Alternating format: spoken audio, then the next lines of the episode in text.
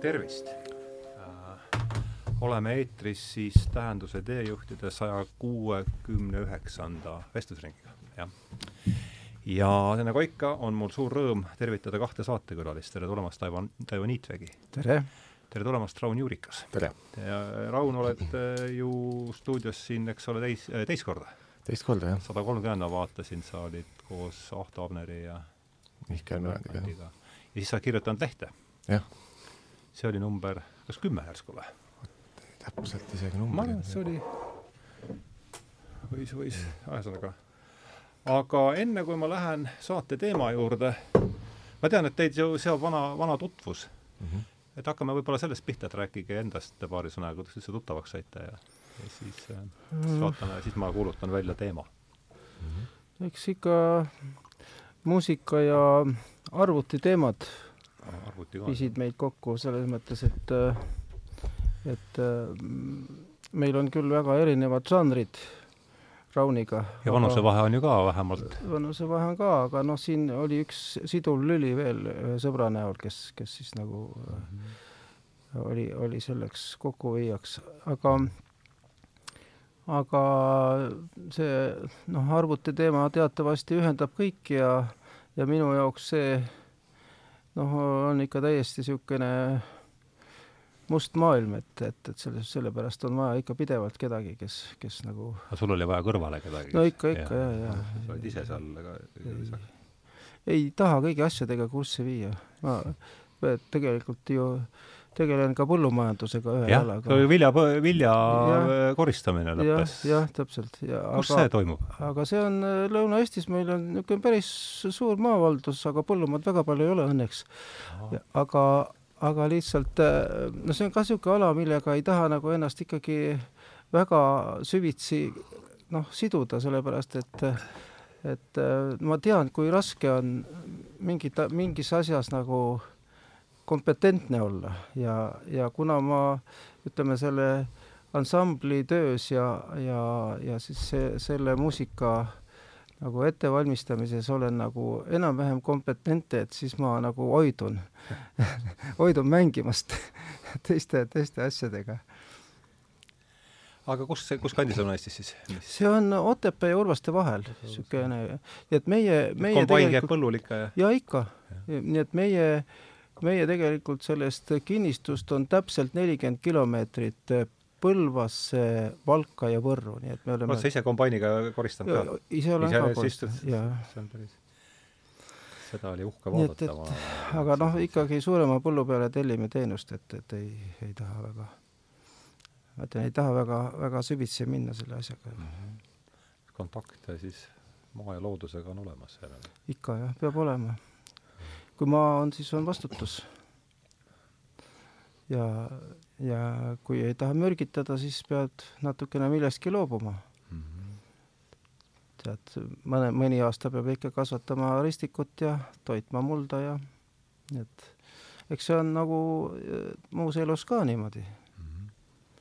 -hmm. et ei saa kogu aeg lõigata, meil siin, kui linnamuusikud olid nagu, äh, nagu see sellises hoos kuskil seal üheksakümnendate ütleme kuni, kuni, kuni kahe tuhandeni, siis äh, meil oli umbes nagu sada kontserti umbes aastas välismaal ja, ja siis ühel hetkel no ma leidsin, et enam ei suuda, et, et ei saa kogu aeg lõigata, et tuleb vahepeal tuleb nagu, nagu äh, lasta nagu taastuda ka põllumaal. loodus paneb ise asjad paika. no täpselt.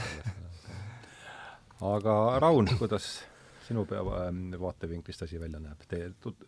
meie tutvumine kõigepealt äh, esimene asi, mis meenub, et see oli üsnagi pikka aega tagasi mm. -hmm. et arvad, et ei ole vahepeal eriti me, see ongi põnev, et me tegelikult kohtume praegu siin üle pika aja ja mm, ma julgeks pakkuda võib-olla isegi viisteist aastat tagasi äkki me suhtlesime aktiivsemalt, kusagil niimoodi, jah. et, et mina olin õpilane, noh, Muusikaakadeemia õpilane ja kusagil selles vanuses, kahe tuhandendate sa said ju nelikümmend, eks? sain nelikümmend jah, et võib, võib-olla isegi kakskümmend aastat tagasi, ma ei, ma ei tea nüüd öelda. Võib isegi niimoodi olla. Aga ma mäletan, et ma mingil hetkel siin ütleme siis kahe tuhandendatel käisin Taivo juurest äh, Otepäält läbi. Sõitsin, lihtsalt tuli mingisugune niisugune mõte, et olin seal kandis ja astusin läbi, vaatasin tema ilusat ala seal, loodust seal.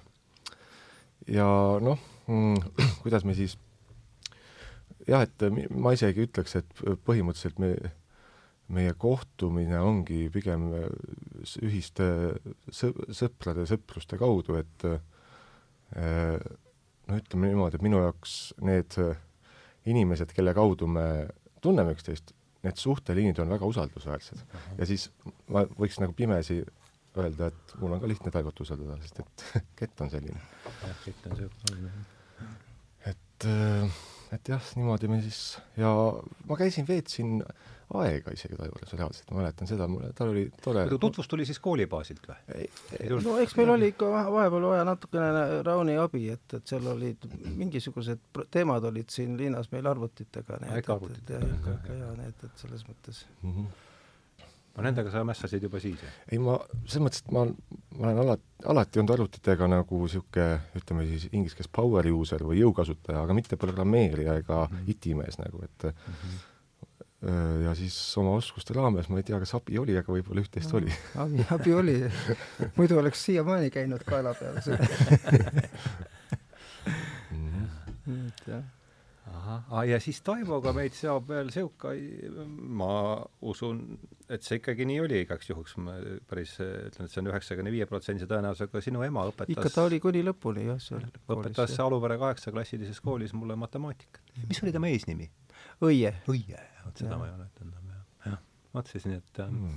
ja sa oled siis pärit, sa oled Rakvere kandist pärit või no,? tegelikult ma olen pärit Pärnu-Jaagupi lähedalt, aga, aga kui ema lõpetas selle pedagoogilise kooli, et, et siis ta alguses vist ühe aasta töötas Peru koolis, aga siis nad ikkagi tahtsid Perul oli, see on, see on Kivi-Vigala lähedal, seda kooli ka enam ei ole mm. -hmm. ja siis, siis nad ikkagi tahtsid nagu iseseisvalt elada, sest me elasime tema ema juures, et vanaema juures, et ja mm -hmm. siis, siis äh, nad ikkagi leidsid selle koha sinna Alu, Aluveresse ja siis alguses me elasime seal.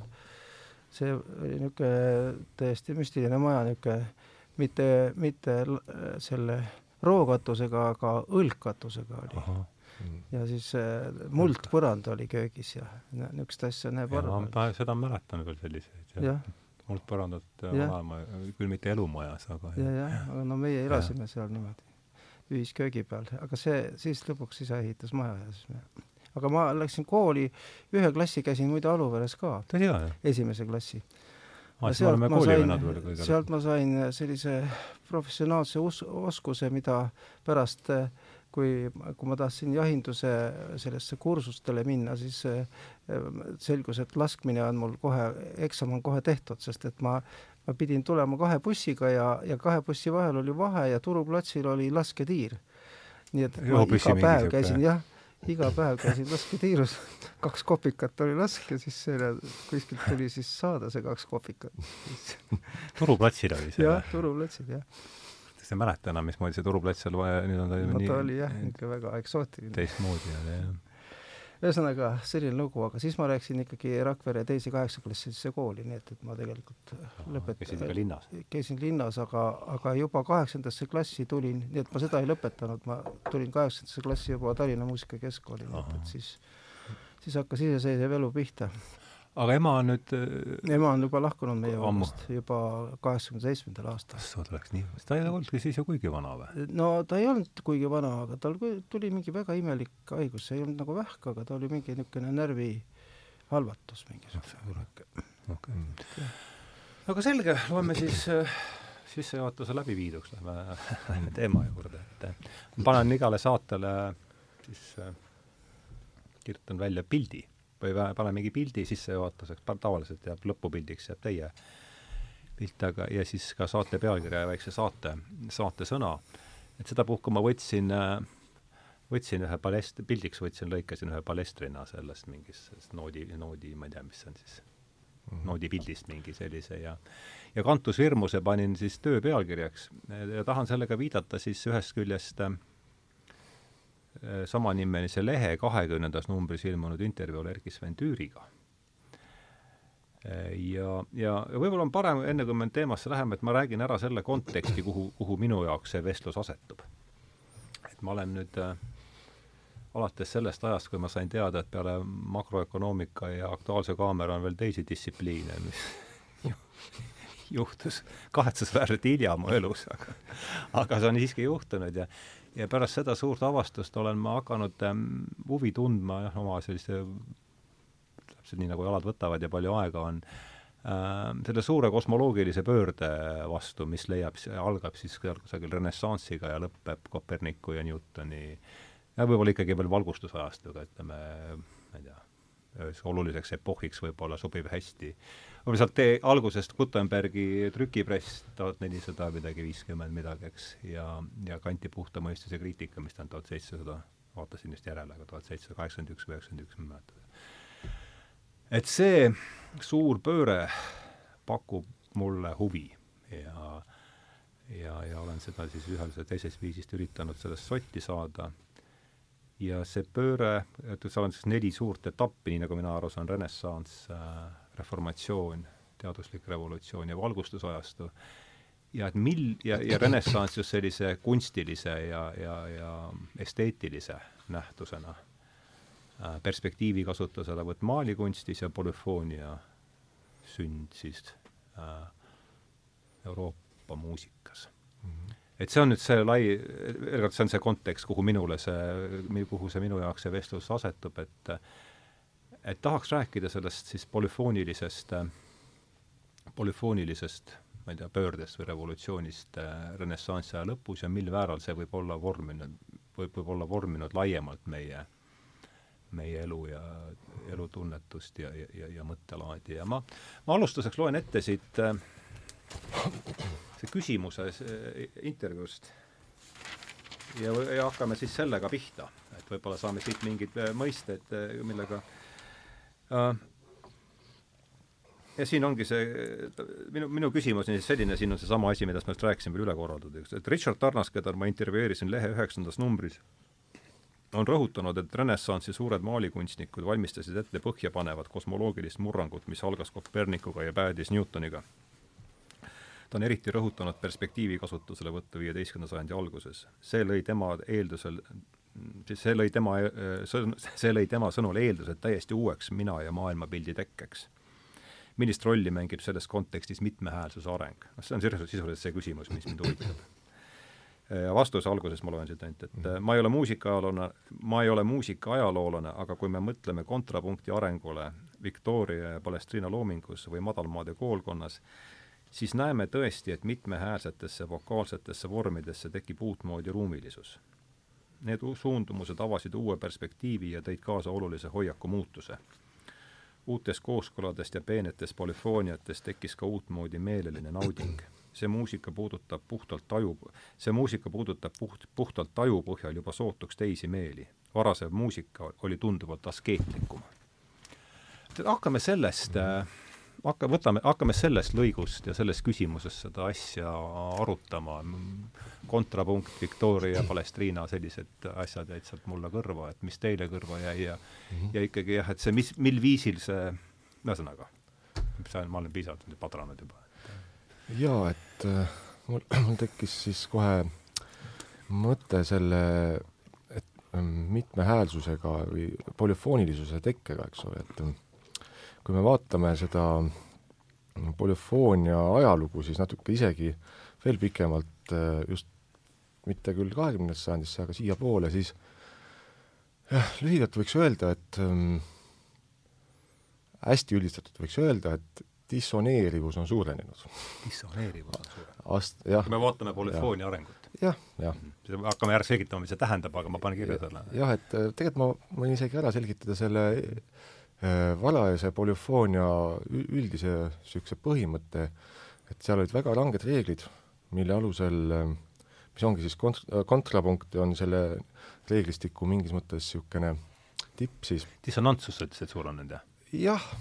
ma lihtsalt panen, nii, jätka palun, Maaris. muusikalised kooslused ja jaotuvad ka dissonantsideks ja konsonantsideks mm, -hmm. nagu, nagu ikka paljud asjad ja äh, varajases polüfoonias oli ainult äh, kaks konsonantsi ja ülejäänud kõik olid kas dissonantsid või mittetervikkonsonantsid ja konsonants, mida see tähendab? konsonants on koos ja diss on eraldi siis kuidagi, on nii midagi või? konsonants on tegelikult, võiks öelda, võib-olla tänapäevaselt resonants oleks võib-olla see kõige parem sõna, et äh, kahe noodi ähm, sageduslik hea, hea vahe, vahekord mhm. sageduslikus mm -hmm. mõttes, et on palju ühiseid võnkeid, ütleks isegi niimoodi selle ja. kohta.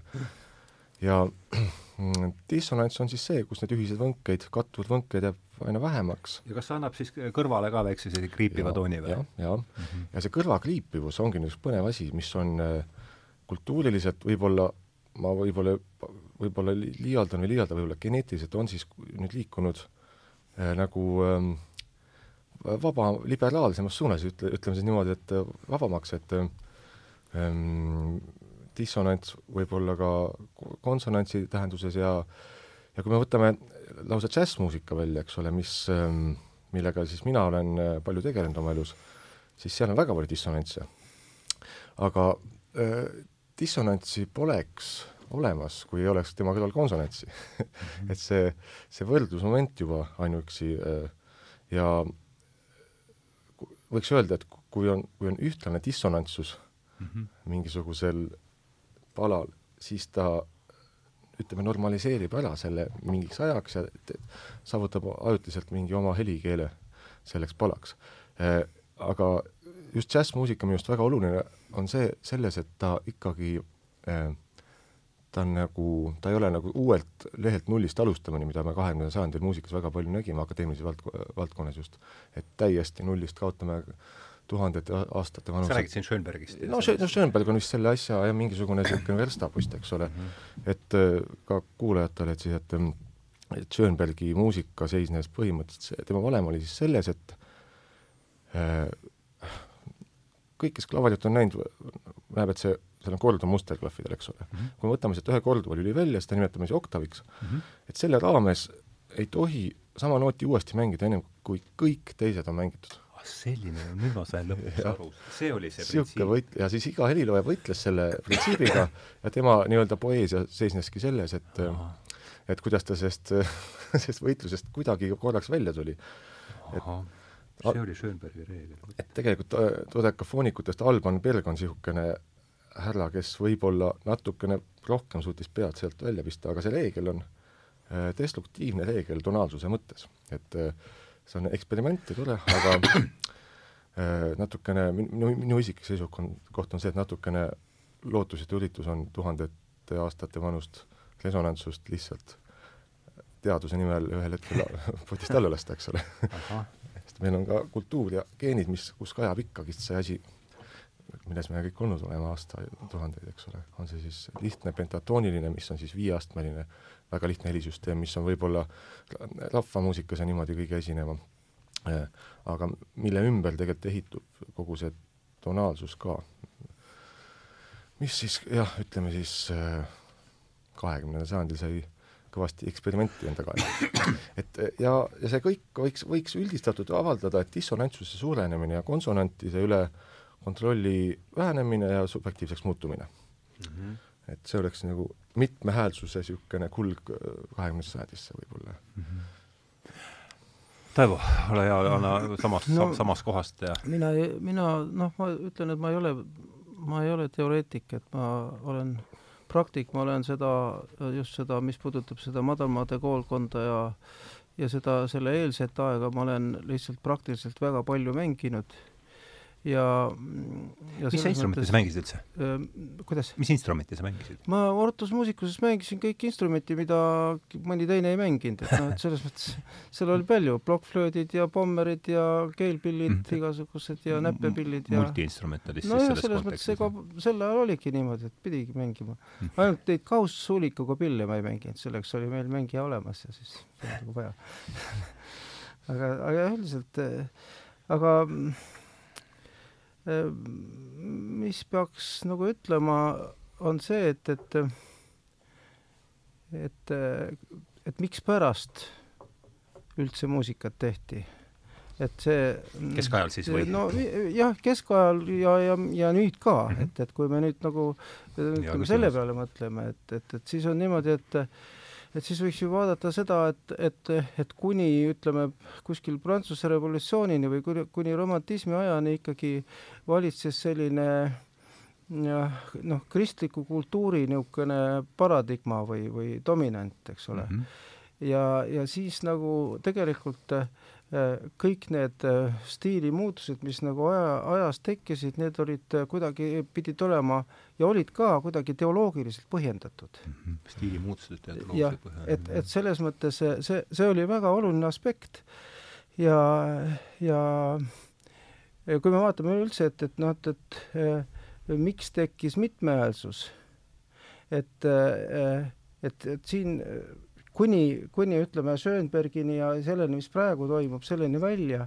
et, et mis, mis oli see nagu see põhiline printsiip, kuidas oli võimalik, ütleme, sellist äh, traditsioonilist äh, ütleme äh, välja kujunenud keskkonda, sest te, tegelikult monoodiline laul valitses ju praktiliselt tuhat aastat äh, monoodiline laul, jah? Monoodiline Moodi, monoodiline see on see sõna, jah? kas see on Gregoriuse koraal? see on, noh, võiks, võiks öelda Gregoriuse koraalis hakata teda kuskil seitsmendal sajandil nimetama. monoodiline laul on selle asja monoodiline laul, see on nagu tegelikult ühehäälne laul, kusjuures ühehäälne laul ei olnud sugugi ühehäälne, sellepärast et kui vaadata näiteks Korsika traditsiooni või Sardiinia traditsiooni või, või grusiinlasi näiteks, siis nemad tegelikult laulavad ühehäälselt, ainuke asi on see, et, et nad äh, to-, teevad kuuldavaks selle ühe hääle obertoonid nii et, et see tähendab, see on paralleelne äh, polüfoonia, ühesõnaga, et kontrapunkti ei ole mm. -hmm. lauldakse kõik ühte häält, ainult et lauldakse paralleelselt ja, ja, ja, ja selle nii-öelda mängitakse selle obertoonide peal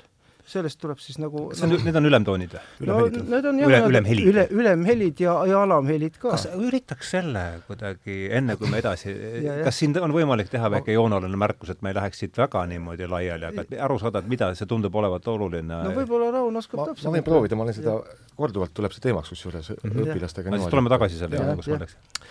et äh, mis on ülemhelid? ülemhelid on äh, tämbri komponendid, ütleme siis, jah, et ja tämber on kõlavärv, eks ole? tämber on kõlavärv äh, hetkes ja isegi see ei tähenda, ei pea endas ilmtingimata tähendama seda, et et see hetk, et see muutub, see hetk, võib-olla staatiline seis on, siis saab rääkida, et no ülemelid on naturaalsed äh, resonantsid, ehk siis äh, kui me võtame matemaatika siin, oletame, et meil on alamheli või baasheli, siis on näiteks sada hertsi mm. -hmm.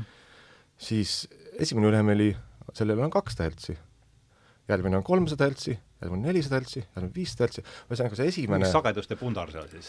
ta hakkab äh, seda baassagedust korrutama lihtsalt kaks korda, kolm korda, neli korda ja mis sealt tuleb, on see, et äh, kui me võtame matemaatiliselt, eks ole, kakssada mm, võnget sekundis ja see on kakssada hertsi? just, ja paneme sinna näiteks ka nelisada võnget sekundis, võtame selle kakssada praegust baasiks, ehk siis võtame selle selleks intervalliks. nüüd, kui me nelisada hertsi iga neljasaja hertsise noodi iga teine võnge kattub kahesaja hertsi iga, iga võnkega okay.. ehk siis nad, nad sulanduvad üheks ja, ja nüüd see põnev maailm ongi võib-olla see, et kus et, et, et me saame neid ülemelisid vaadelda ju ka eraldi meloodiaid, eraldi pille justkui mm., eraldi hääli. ja kui nad panna hästi konsonantsesse vahekorda omavahel, ütleme siis kvinti muusikaterminina, kes äh, või, või oktavisse niimoodi, siis äh, juhtub niisugune kokkusolandumine, et äh, õig-, kui nad väga hästi häälestuvad omavahel ja kui äh, no ülemelid on üldiselt vaiksemad kui see baasheli loomulikult, siis enam ei suuda eristada äh, isegi, et seal on kaks häält mm. -hmm. ja kahekümne sajandi posttonaalses muusikas on niisugune koolkond lausa nagu Prantsuse spektraalmuusikud, kes tegid atonaalset muusikat, aga nad sünteesisid võimalikult palju ülemhelisid aa, nii et ütle, kuidas sa ütlesid, see ülemheli definitsioon, et see oli, ülemheli oli kõlavärvi komponent või? Äh, ta on tämbri komponent, jah. ja, okay. ja, ja lihtsalt äh, võib-olla see matemaatiline asi on see, et äh, ta on logaritmilises suhtes nootide jadaga. et kui meil noodid lähevad järjest, siis iga, siis hertsides need aina suurenevad, need vahed. ärme sinna praegu lähe, siis muidu okay. me ei jõua siit, ole, jäämegi seda tuleme selle Gruusia laulu juurde, et aga aitäh sulle, see, see, need ühesõnaga, ülemhelid annavad selle värvi ja, ja nii et, et, et ühesõnaga ma, ma peaksin, enne kui sinna polüfooni juurde minna, peaks ikkagi rääkima sellest äh, monoodilisest laulust veel. et äh, et õnneks on meil kultuuriloos mõningad niisugused nähtused säilinud, nagu näiteks tuvalaul. Et mm, seal sa kuuled, üks inimene toob esile kõigepealt selle baasheli, selle kõige madalama mm, -hmm. siis äh, ta on suuteline laulma seda keskmist tooni äh, kuuldavaks teha mm -hmm. ja siis ta toob sinna peale veel mitu oktavi kõrgema niisuguse viletooni kusjuures seda ta teeb kõik häälepaalte ja oma resonaatorit. ta mängiks siis nagu kolme pilli ja, korraga? jah, nagu, nagu kolme pilli korraga, üks inimene ühel ajal.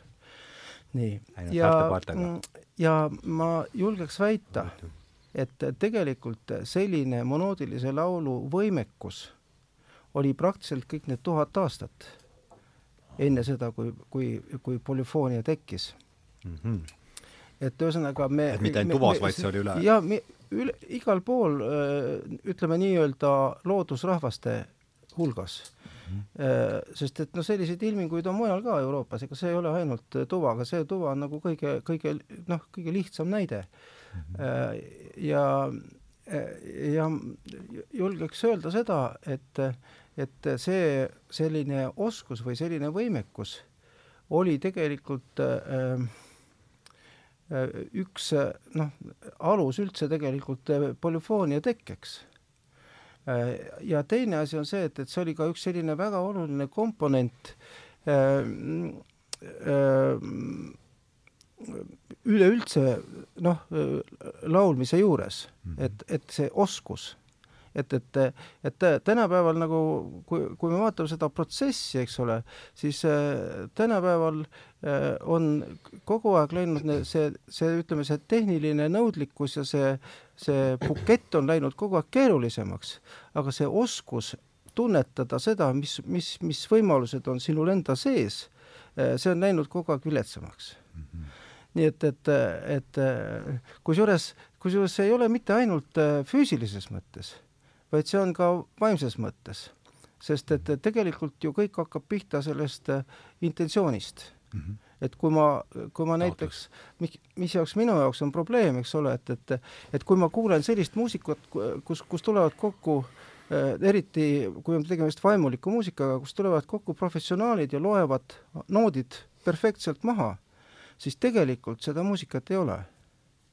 sellepärast, et ei, ei ole intentsiooni ei ole sellist, sellist vaimset äh, kontseptsiooni, et, et mida nüüd siis see, see, ütleme, tulevad kaheksa või kümme inimest kokku, et mis on siis see, see uus, mis luuakse äh, üle nende kümne inimese.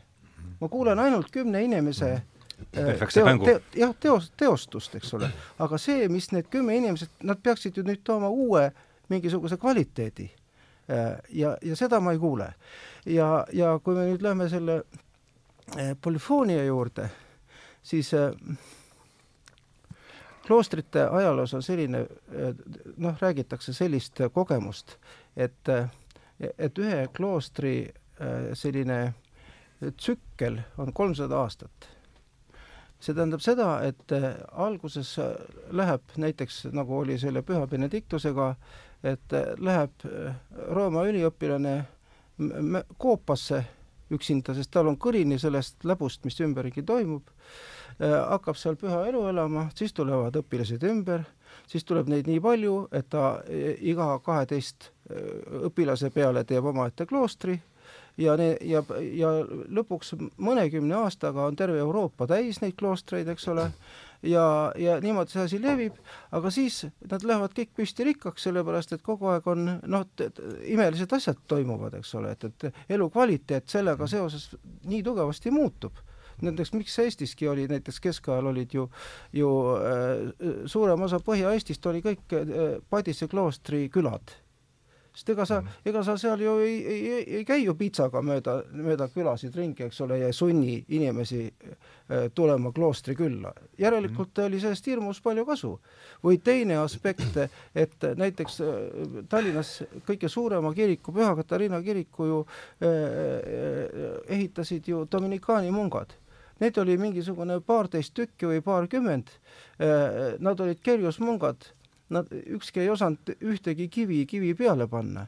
Nad ehitasid kõige suurema katedraali, eh, kusjuures seda tegi ju kõik külarahvas. miks? mina olen ise maal kasvanud, maainimene ei tee mitte ühtegi liigutust niisama mm. -hmm. see, see on täiesti välistatud. nii et, et, et järelikult olid kasud ja, ja väga suured kasud olid tegelikult mängus mm. -hmm. aga, aga millised?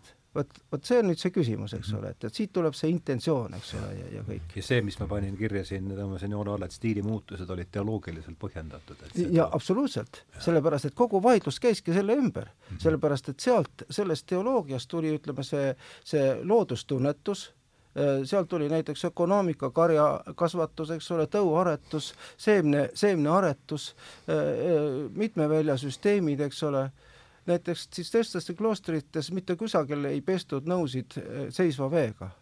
kõikides kloostrites voolas vesi köögist läbi ja, ja kasutati voolavat vett mm. -hmm. et ühesõnaga palju oli niisugust know-how'd, mis, mis nagu noh, oligi kasulik inimestele noh, majanduslikult.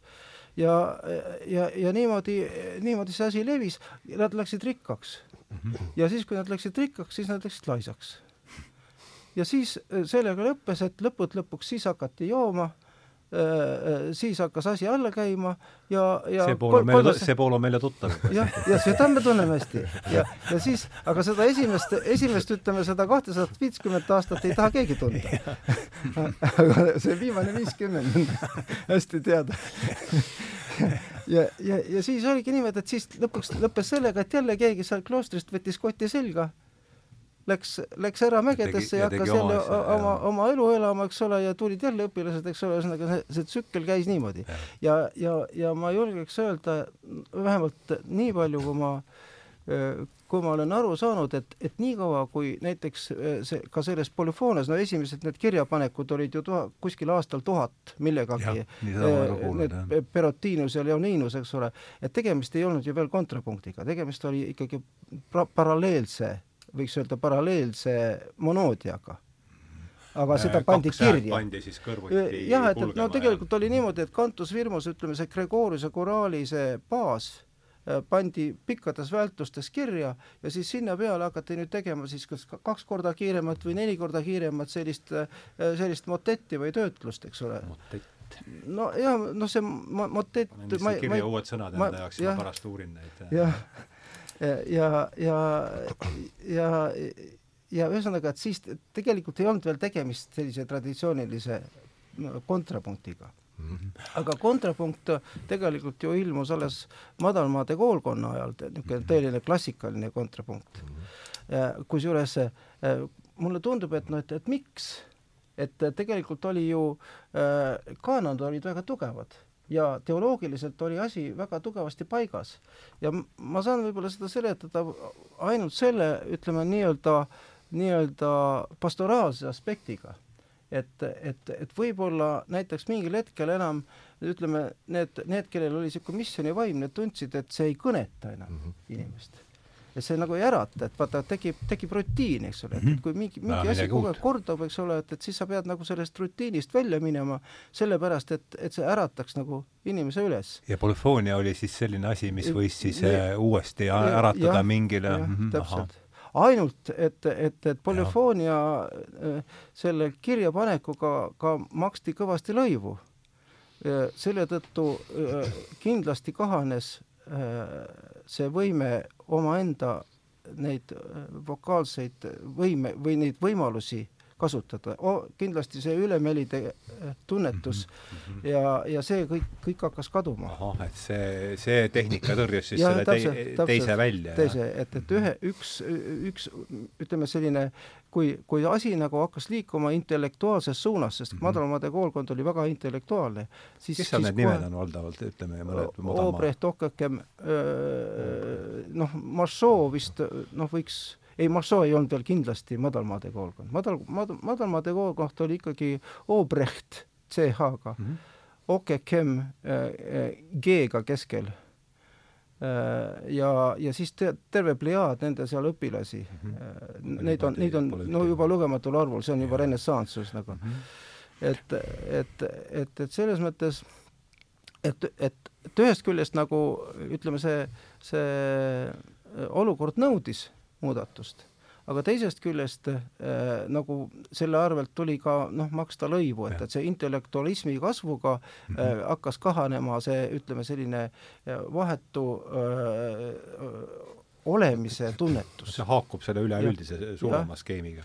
aga teeksin veel väikse jällegi väikse teise joonealuse märkuse, niisugune erialane äh, kontrapunkt, et see on väga niivõrd oluline, käin mitu korda läbi käinud, midagi ma ka adun, aga et äh, mis see, kuidas sina, teeme mõle, aga sa palun pihta. ma arvan, et siit saab, ma saangi jätkata sealt sellest samast konsonantside, dissonantside jutust, et kon-, kontrapunkt äh, näeb ette seda, et noh, muusika jaotub taktideks ajalises mõttes, eks ole. aa, taktideks jagun, jah. jah, ja taktil on siis rõhuline osa ja rõhutu osa, ehk siis rõhuline on öö, siis esimene võib-olla kolmas, eks ole, ja siis see rõhutu on teine ja neljas. või no kui me võrdleme seda tänapäeva muusikaga, kus ütleme, rütmimuusikas on see rõhud valdavalt vastupidi küll, aga aga igal juhul see mõtlemine harmoonias on selline. ja siis see kontrapunkt on niisugune mõ-, mõõtmistehnikate kogum, et mõõtmistehnikate no, jaa, et sa, et, et mõõdad kõiki noote, et nad oleks konsonantses suhetes risti-rästi omavahel ja, ja dissonantsid lükatakse sinna takti rõhutule osale, et nad, et nad viivad järgmisesse punkti. et ja siis siin võib-olla on ka oluline see kantusfirmus uuesti mängu tuua, sest kantusfirmus ongi, kui me võtame nüüd selle just niisuguse Palestriina maailma ja siis kant-, kantusfirmus ongi eh, noh, tihti on ta tenoril või, või mingi keskmine hääl, mis liigub hästi aeglaselt ja see kantusfirmus tähendab, eks ole, kindel laul mm. -hmm. ja võib-olla vot see kindlus on üks väga hea asi, kust edasi vaadata, sest ja, et just Taivo ütleb tähenduste pusa oli seal selle ka, firmuse ümber. jah. ma nüüd kirjutasin välja, räägi edasi. et, et see, et, et see üks asi, mis on täiesti kindel, üks meloodia, mis on, milles, milles pole kõhklustki, ja siis sinna ümber ehitatakse ornamentika või niisugune teiste häälte liikumine, mis on siis reeglitepõhine. ja ütleme siis võib-olla see, mida need teised hääled teevad, kuni välja selleni, et need, et neid teisi hääli sai ka improviseerida, väga musikaalne inimene sai improviseerida. ja just see trükipress ja kogu see asi külmutas improvisatsioonilisuse tegelikult ära mm -hmm. ja mis tuli noh, loomulikult tonaal, ütleme siis tonaalse improvisatsioonilisest, et tegelikult atonaalsusest meil ei ole, ei olegi mõtet rääkida ennem kahekümnendat sajandit, et see alles siis ilmus niisugune tõsisem atonaalsus. Ehm, ja vot jah, see intentsioon, improvisatsioon, mismoodi need muud hääled liiguvad, kas nad liiguvad, see, see, see sisaldab endas mingisugust see intentsioon on ikka see, et miks ma seda asja üldse teen, eks ole. no täpselt. miks jah, ma seda vala ja, hakkan üldse ja, mängima. täpselt, jah. et mis mind nagu käivitab. ja, ja mida ma, mida ma tahan ka saavutada. mis, mis on see sõnum, mida, mida ma tahan selle kaudu nagu edasi anda. Mm -hmm. kusjuures no tegelikult ju sel ajal oli ju sõnumiks oli ikkagi äh,, äh oli ikkagi vaimsus mm. -hmm. see tähendab seda, vaimne seisund mm, -hmm. mis siis koosneb erinevatest meelehoiakutest ühesõnaga ja mm, -hmm. ja, ja see oli, see oli nüüd see, mille pärast seda tehti, eks ole. ja, ja see on ka tegelikult äh, lõputult rikas maailm, selles mõttes, et kui katekismuses on kirjas seal ütleme, mingisugune mini, mõnikümmend punkti, punkti, eks ole, mis, mis väljendavad, ütleme, vooruseid ja mis väljendavad nagu pattusid, eks ole, aga, aga tegelikult selle, selle vaimsuse nüansse on, võiks öelda sama palju, kui on äh, sellel looduses rohelisi, rohelise värvi nüansse, et, et see on nagu, et nad, see, see on lõputult rikas mm. -hmm. aga muidugi kontrapunkti juurde veel nii mm -hmm. palju ka, et äh, miks ta on kontra, see tähendab seda, et punkt on kontrapunkt oleks. jah, jah, et, et, et see tähendab, tähendab seda, et kui vaadata seda hääle juhtimist, siis kui, kui näiteks ütleme, see kantusfirmus on nagu keskel mm. -hmm. aga kui näiteks ülemine hääl liigub ülespoole, siis kont-, kontrapunkti hääl liigub allapoole tavaliselt. Nii et, et, et vot see siis on see, mis siis selle keskmise hääle suhtes või see on siis ei, see omavahelises suhtes. vastassuunas. jah, vastassuunas. nii et, et, et, et see oli nüüd tegelikult revolutsiooniline asi, et, et siis, kui oli, oli paralleelne ütleme, polüfoonia ütleme, need leoniinused ja perotiinused ja, ja kõik see mašoo veel, et, et siis ei olnud kontrapunkti siis ei olnud sellist mõtlemist, aga, aga see, kui see kontrapunkt tekkis, et see, see vastuliikumine mm, -hmm.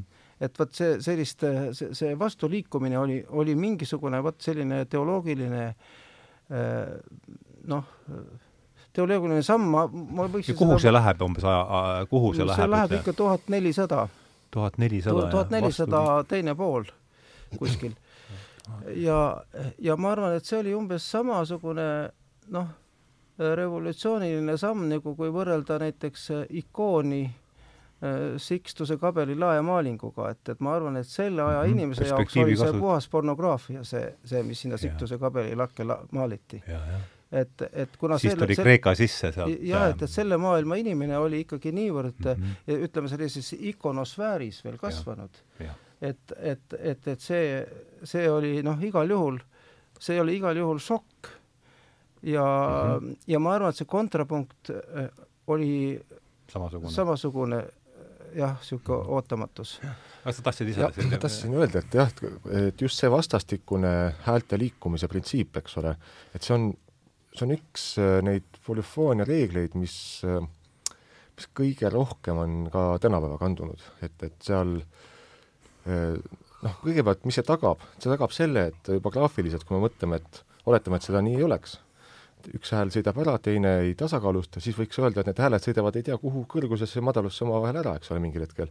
see tagab selle, et tal on kese ja, ja just see va-, vastassuunaline liikumine, see on kosta ja jah, ütleme niimoodi, et see on, see on niisugune reegel, mis, mida saab kõige rohkem kasutada ka, ka, ka džässmuusikas ka no see on harmooniareeglid ka sellest, klassikaline harmoonia põhineb ka sellel kõik, et, et, mhm. et, et vastuliikumisel. nojah, et selles mõttes, et sa, eh, see tähendab seda, et kui sa klassikalises harmoonias, sa pead ju hääli juhtima niimoodi, et ei tekiks parallel-, parallelisme et, et siis see tähendabki seda, et, et sul peab kogu aeg olema mingisugune niisugune kus, kuskil ke, peab keegi midagi minema üles või jääma paigale ja, ja midagi samal ajal minema alla, eks ole, et, et see on nagu jah, see asi peab kuidagi koos püsima. no vaataksin korraks tagasi polüfoonia kanti, et ma äh, polüfoonia, ütleme, harmoonia kui selline, me saame just valgustusajastul ja sellest kandist saame rääkida niisugustest asjast nagu, nagu ütleme siis noh, võib-olla inimesed teavad, mis asi on akord, eks ole, et mängiti erinevaid akorde ja kooskõla. just, aga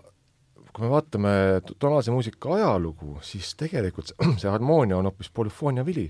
kõik need mm, -hmm. kõik need reeglistikud seal kontrapunktis on niimoodi, need tekitasid ähm, konsonantside või resonantside keele, mis äh, ütleme niimoodi, noh, need rahvalikult kõrvalt vaadates on, tahad nagu järgi teha või imiteerida, siis äh, siis sa võtad selle, isoleerid selle kõla sealt ära ja ongi sul see on nagu moment üles, me ja. rääkisime seal all vestibüülis, et, et, et äh, harmoonilised kolmkonnad on nagu moment üles võtted siis sellest mm, -hmm. eks ole, sellest ja. Äh, asjast, mis siis liigub. just, ja siis aga lihtsalt see oli minu jaoks huvitav avastus. seda on jah, hästi, hästi palju on seda räägitud, harmoonia ja meloodia, eks ole, niisugused asjad mm. -hmm. aga, aga see aga käime nüüd, ega see ja. ei ole paha üldse ja. käia üle raadiokuulajale keskmisele, milles vahe? harmoonia, meloodia meloodia on äh, ajaline kulgevus. meloodia on ühehäälne liikumine ja harmoonia on äh, noh, kui nüüd seda polüfooniat ajalugu arvesse võtta, siis harmoonia on äh, mitmete häälte liikumine, aga mitte päris niisama et, et seal on ka sinna, sinna lihtsalt akordide jada ilma mingisuguse polüfoonia graafilisuse kaasamiseta ilmselt jääb ka natuke vaeseks, et mm -hmm.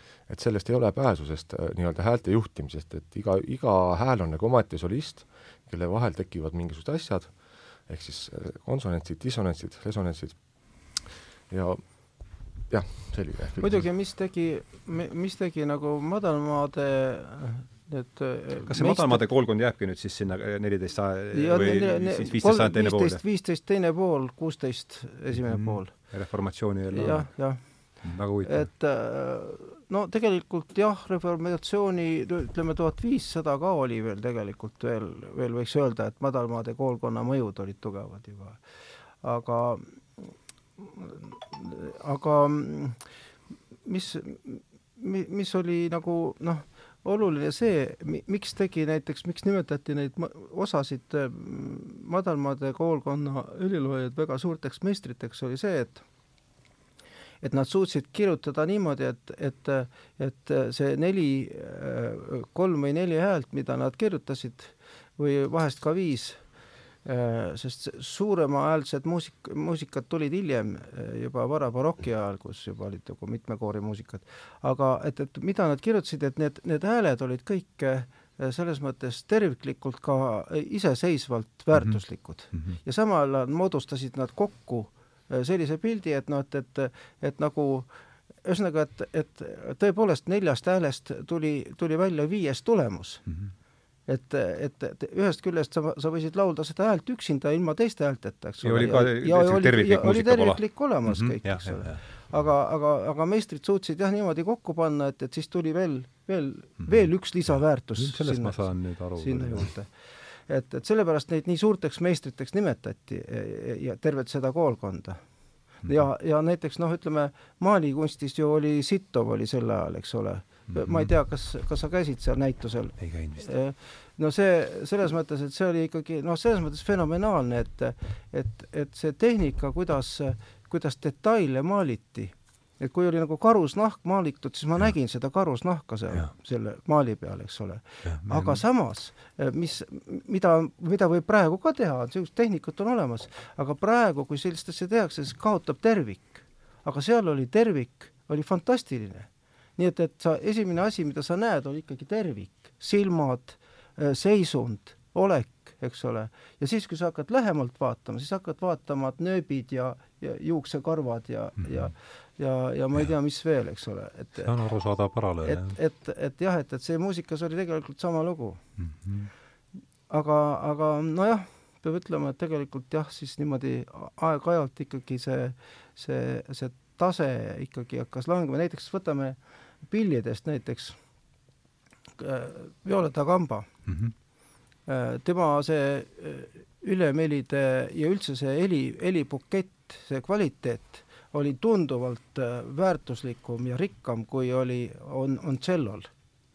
aga tuli aeg, kus ta jäi vaikseks, oli vaja tuhat inimest oli saalis või kaks tuhat, eks ja, ole okay., oli vaja, see oli äri, oli vaja saalid läksid suuremaks? jah, kõik pidid mm -hmm. kuulama seda ja see oli, see oli ja, ja see pill ka kadus areenilt.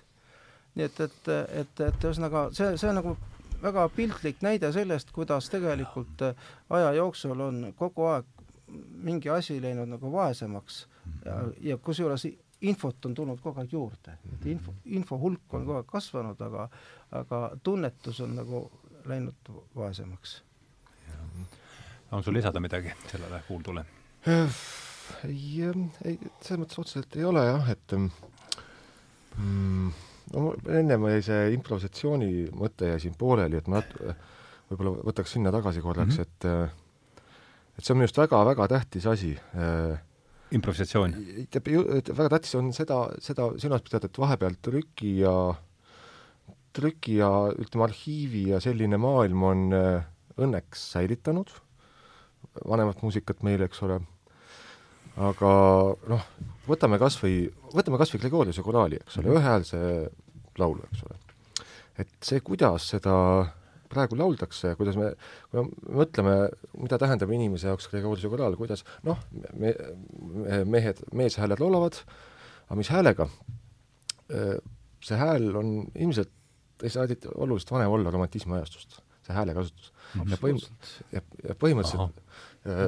see noh, hääl, hääl tervikuna, mitte, kui me ei mõtle, eks ole, mida ta esitab, vaid see, kuidas ta, kuidas ta haarab, kuidas ta, kuidas ta, see on nagu meie rääkimine, see on see hästi vahetu asi, eks ole.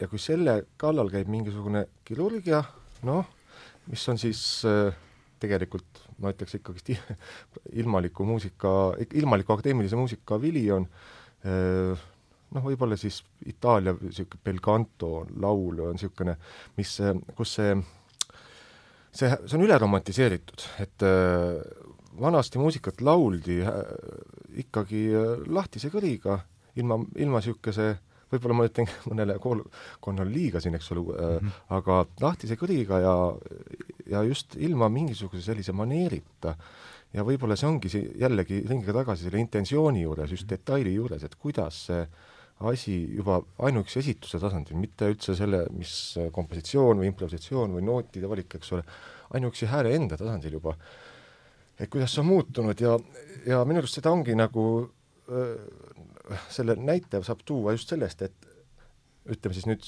tugevates jutumärkides Gregoriuse koraal seostub äh, inimesel, kes näiteks ei ole üldse äh, võib-olla klassikalist muusikat või akadeemilist või süva, mis iganes sellist muusikat kuulanud, seostub äh, vastavate new, new age äh, pop kooslustega, kus kasutati seda laulu. nii äh,, okei okay. äh,, aga nipp on just selles, et kui seal ei oleks seda häälekooli, siis, siis ei saaks seda, siis seda ei saaks panna sinna muusikasse sisse, seda häält, sest see hääl oleks nii teistsugune, ta ei sobiks sinna, ehk siis see romantiseeritud hääl on põhimõtteliselt, võiks öelda, mingis mõttes ilmalikustanud Gregor Hoolise laulu mingisuguse esitusosa. ja see mhm. intentsioon äh, see võib selleni välja viia, eks ole, et, et sa õpid selle hääletehnika üliprofessionaalselt ära ja täpselt nagu Taivo ütles, et väljendad neid fragmente sealt Gregoriuse laulust, kvaliteedi, noh, kvaliteeditunnused on olemas justkui viimase paari, paarisaja aasta kokkuleppel, aga aga see, mis sealt edasi tuleb, et noh, mis sealt välja üldse tuleb või kas sealt üldse tuleb midagi välja tegelikult, et see, see on see natuke tõsisem muidugi mina julgeks väita, et, et, et ütleme, seda niinimetatud Gregoriuse koraali ei ole mitte kunagi ajaloos niimoodi lauldud, nagu on praegu see Solemmi koolkond mm. äh, selle kehtestanud. mis koolkond? Äh, Solem on see, kes, kes jah, kes, kes selle niisuguse tradi-, tradi-, solesm kirjutatakse S-iga. Et, et äh, kui me vaatame näiteks neid, neid kaanoneid, siis tegelikult oli ju hääle tekitamisel äh, praktiliselt samas, samasugused äh, niisugused äh, teoloogilised aspektid nagu ikoonimaalil, eks ole.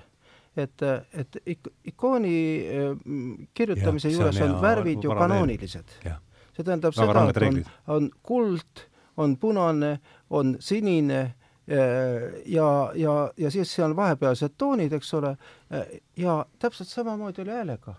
et, et kui sa, et üks inimene oli suuteline ja muide, on ju teada seda, et orel äh, tekkis häälest, inimese häälest mm. -hmm. see tähendab seda, et, et inimesed valdasid niivõrd palju erinevaid registreid, erinevaid häälevärve, sest inimese see kogu see resonaatorite süsteem on niivõrd rikas, et, et sealt on võimalik tuua esile mida vaan mm -hmm. ja, ja ja siit, kui me vaatame nüüd neid ka-, kaanoneid, eks ole, et, et siis, siis kui ja võrdleme seda nüüd selle praeguse, selle nii-öelda selle Gregoriuse koraali noh, laulumaneeriga, mis on nagu kehtestatud üleüldiselt, siis ei ole seal seda kulda, ei ole seal seda sinist, ei ole seal seda punast, et kõik on üks selline noh, võiks öelda plastmass, eks ole, et, mhm. et, et, et sellepärast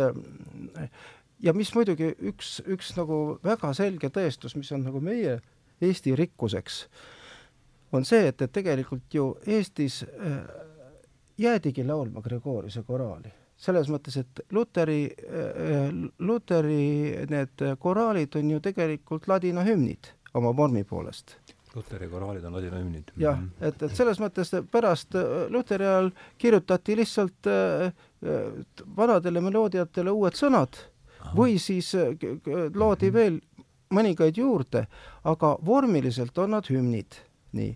ja mm, kui me nüüd vaatame näiteks noh, ma olen nüüd noh, ütleme kõik need nelikümmend aastat, mis me oleme selle äh, muusikaga siin oma ansambliga tegelenud, oleme pidevalt nagu repertuaaris hoidnud neid rahvakoraale, siis äh, oli praktiliselt niimoodi, et, et, et võtad ühe, ühe rahvakoraali näiteks Oh Jeesus, sinu valu ja ja äh, mitte üheski kihelkonnas ei lauldud seda koraali niimoodi, nagu noodis kirjas oli. See tähendab seda, et, et keskajal, renessansi ajal ja kuni praeguseni praktiliselt kahekümnenda sajandi keskpaigani välja äh, ei tähendanud noodikiri muusikat. noodikiri tähendas nagu inimesel on luukere mm. -hmm. umbes mingi, mis, millest jutt käib? et, et, et igal, iga, iga kihelkond iga selline, ütleme, selline informaalne kooslus, kus toimus nagu vaimne elu, nemad ehitasid sellele luukerele oma vormi ümber ja, ja see on Eesti rahvakoraalis väga hästi säilinud, näiteks meil on nagu kasutuses näiteks kaheksateist erinevat varianti sellest Oh Jeesus sinu valust. ükski ei sarnane selle selle, ütleme, selle koraali noodiga endaga. aga see on, see on ainult üks, eks ole, et neid, neid on sadu, neid rahvakoraale, eks ole, ja ja neid on kogutud õnneks, heliloojad hakkasid kahekümnenda sajandi alguses eh, Kirillus Kreegi ja paljude teistega seal e eesotsas hakkasid neid üles kirjutama lihtsalt, neid meloodiaid ja tänu sellele meil on see, see olemas, need, see, et kuidas see, kuidas see keskaegne põhimõte äh, äh, noh, elas rahva keskel edasi ja, ja äh, ei olnud sugugi äh, see, et, et umbes, et noh, et, et kõik oleks nagu laulud niimoodi nagu, nagu trükitud. et, et, et mm, -hmm. et kuigi see taotlus oli, taotlus oli unifitseerida, nii kui trükk, trükimasin tööle läks. Mm, -hmm. loodeti, et, et, et kõik massid hakkavad noh, ühte jalda käima ja ühte, ühte lugu laulma. see on hea, aga trükimasin see on päris hea. aga, aga ei, ei, ei hakanud, vot et see on see, et, et sellepärast ma nagu no vaatan ka alati nagu kerge, kerge huumoriga seda, neid, neid igasuguseid kroonikaid, kus kirjutatakse ainult seda, kuidas, kuidas meeletu tule ja mõõgaga taplemine käis, eks ole, et, et meie käisime, kui me olime muusikakeskkoolis, siis meie füüsikaõpetaja viis meid, olime suusalaagris äh, seal äh, äh, Aegviidus. Ja siis äh, viis meid kuskile, ma ei tea, kuus-seitse kilomeetrit kuskile rabade vahele, kus elas üks Salu Mart või ma ei mäleta, mis ta nimi oli, ja, ja äh, tema äh,, tema elas Rehetares. Tal oli hobune, aga see oli sügav Nõukogude aeg, eks ole. hobust ei tohtinud olla üldse, hobused võeti ära kõik. selgus, et mehest oli Teine maailmasõda niimoodi mööda läinud, et ta ei teadnudki ta oli niisugune juba enam-vähem niisugune umbes kaheksakümne aastane mees, viisime talle leiba ja, ja tema elas Rehe-Tares. siin oli võimalik ka veel elada niimoodi. jah, ja, ja, ja, ja, ja ta, ta oli ka niisugune niisugune külafilosoof ka, tema ütles, et Eesti kultuuri hävitasid korstnad.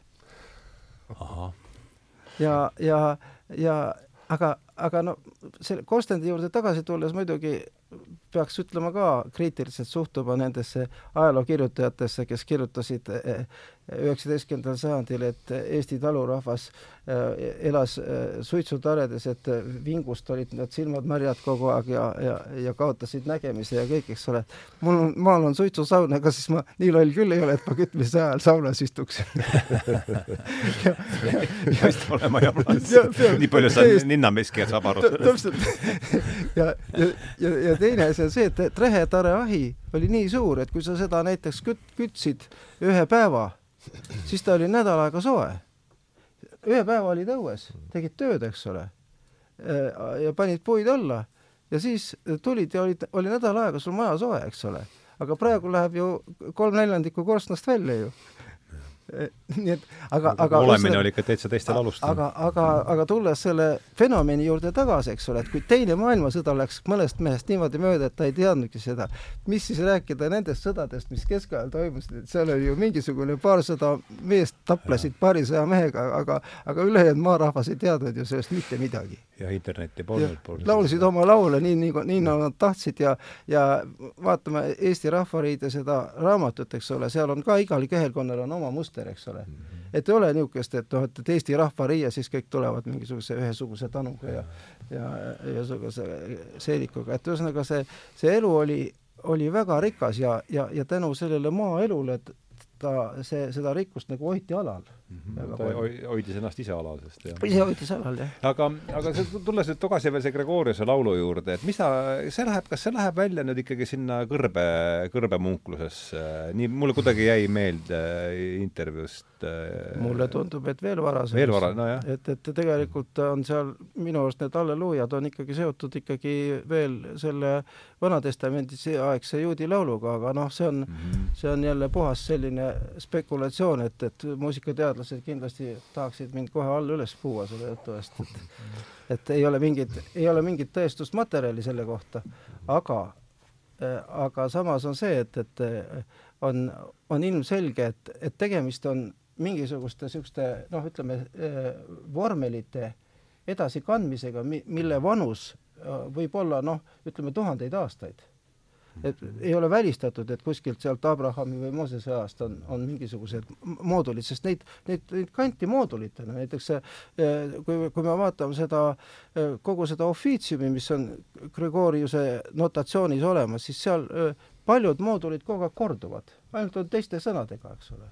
Aga mhm. kust see moodul pärit on, mis on tema, mis on tema, ütleme, see selline algne allikas, pole teada et, et, et, et selles mõttes äh, kas mooduli all on mingi meloodia kogum me, meloodia jaa, niisugune grupp, eks ole, kui sa võtad, kui sa võtad mingisuguse noh, lauldes kuuleb seda väga hästi, silmaga vaadates ei, ei, ei taju seda, aga, aga lauldes on, on väga palju kordusi, nii et, et need responsooriumid on, seal on nagu äh, kaheksa kirikutooni ja, ja tihtipeale äh, kõik, mis on nagu ütleme seal ühes toonis on, on suhteliselt sarnaste niisuguste mm -hmm. motiividega.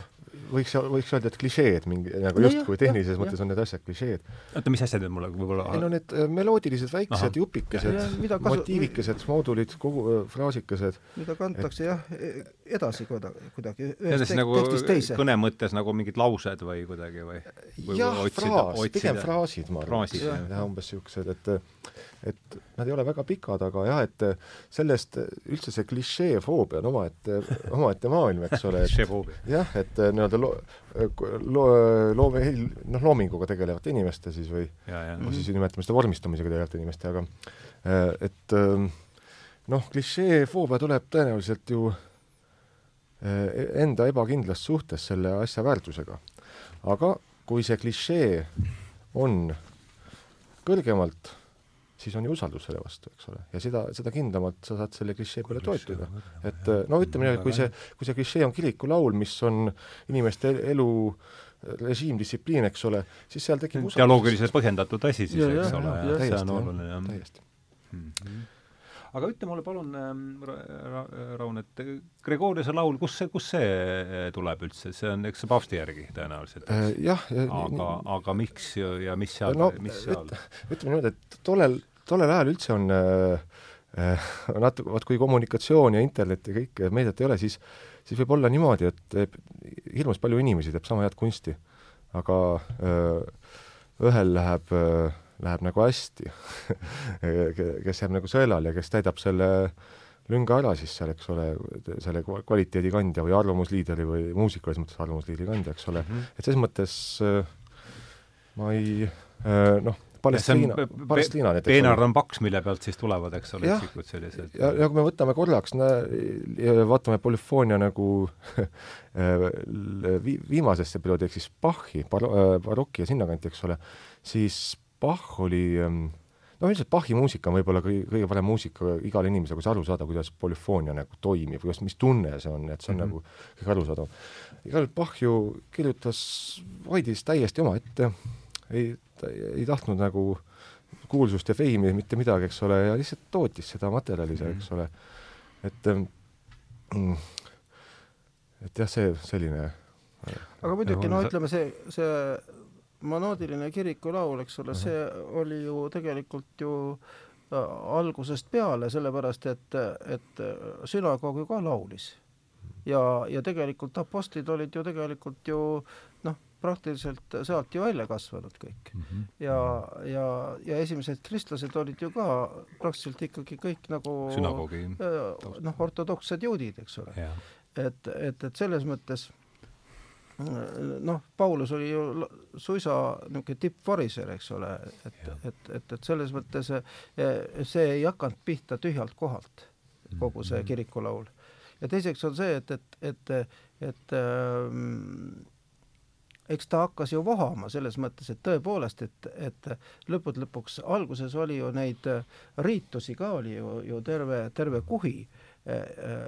Iga, iga mingisugune vaimne keskus praktiliselt iga piiskopi ümber kujunes nagu mingisugune oma riitus välja, eks ole, ja siis see paavst Gregorius Suur siis nagu äh, kuskil seal äh, kuuenda äh, sajandi lõpus äh, noh, püüdis seda kuidagi niimoodi kokku tõmmata, et jäi alles mingisugune neli, neli riitust, eks ole, ja seal oli see Mil-, Milano ja siis äh, Mossaraabia ja siis äh, keltidel oli oma riitus veel ja mm -hmm. ja, ja, ja ülejäänud siis nagu kuidagi katsuti nagu koondada kas ühte või teise või kolmandasse, eks ole mm. -hmm.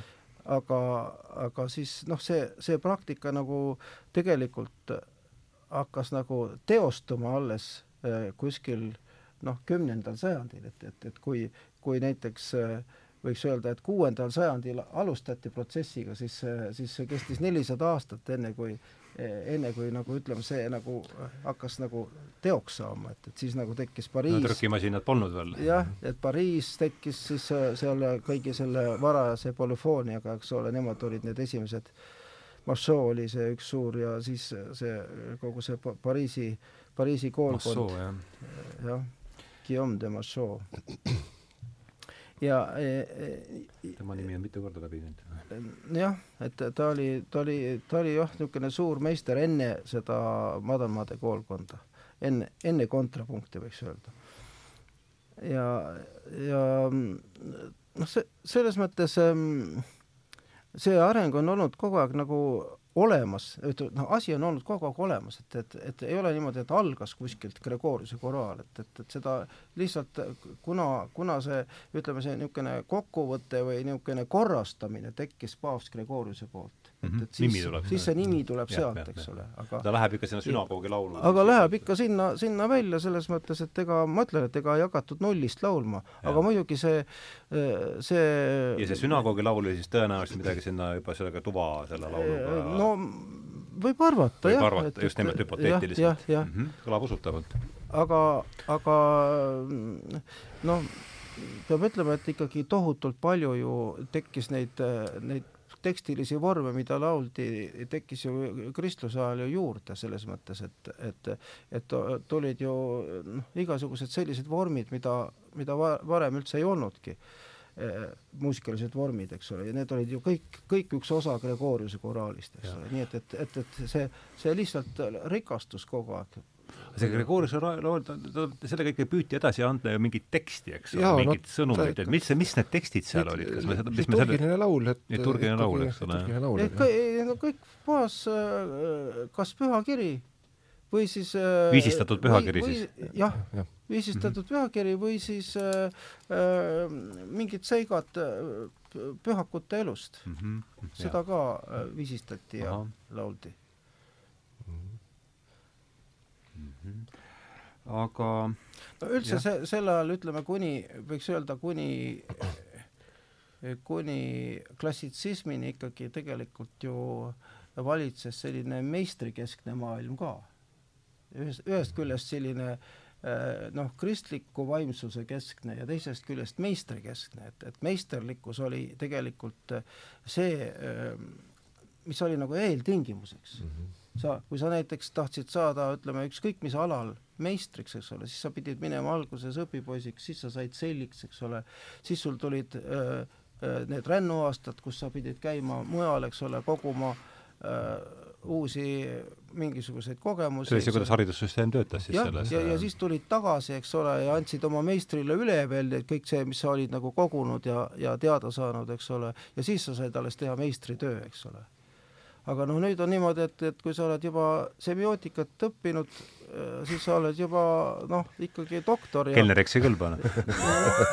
Sa oled ikka juba doktor ja, ja, ja, ja siis võid rahulikult juba teisi õpetada, nii et, et et, et noh, selles mõttes noh. Jah, noh see trükimasi, trükimasinal on palju tagajärgi, tuleb öelda, me ei no vaata, vot see on tegelikult päris huvitav protsess, et et äh, noh, siin võiks, võiks tsiteerida seda, seda õpetuse teksti, et, et, et ma, ma vaatan, et mul on siin kuskil, kuskil kirjas, et et noh, ma vaatan, et et ähm, et, et äh, kui vaadata nüüd sisuliselt, miks see protsess on niimoodi toimunud, siis, siis äh, noh, see doktor Paulus ütleb, et lihalik loomus imustab vaimu vastu ja vaim lihaliku vastu mm. -hmm. Need on teineteise vastased mm. -hmm. nii et teie ei saa teha seda, mida tahaksite see tuleb, haakub ju isikliku ja, kogemusega, nii et vähe ei ole. täpselt, ja, ja, ja selles mõttes kogu, kogu, kogu, kogu tegelikult, kogu see ajaloo dilemma on sellest samast, lähtub sellest ja. samast. aga kuna mis see raamatus on? see on galaatlastele. galaatlastele, jah. jah, viis, kolmteist kuni seitseteist.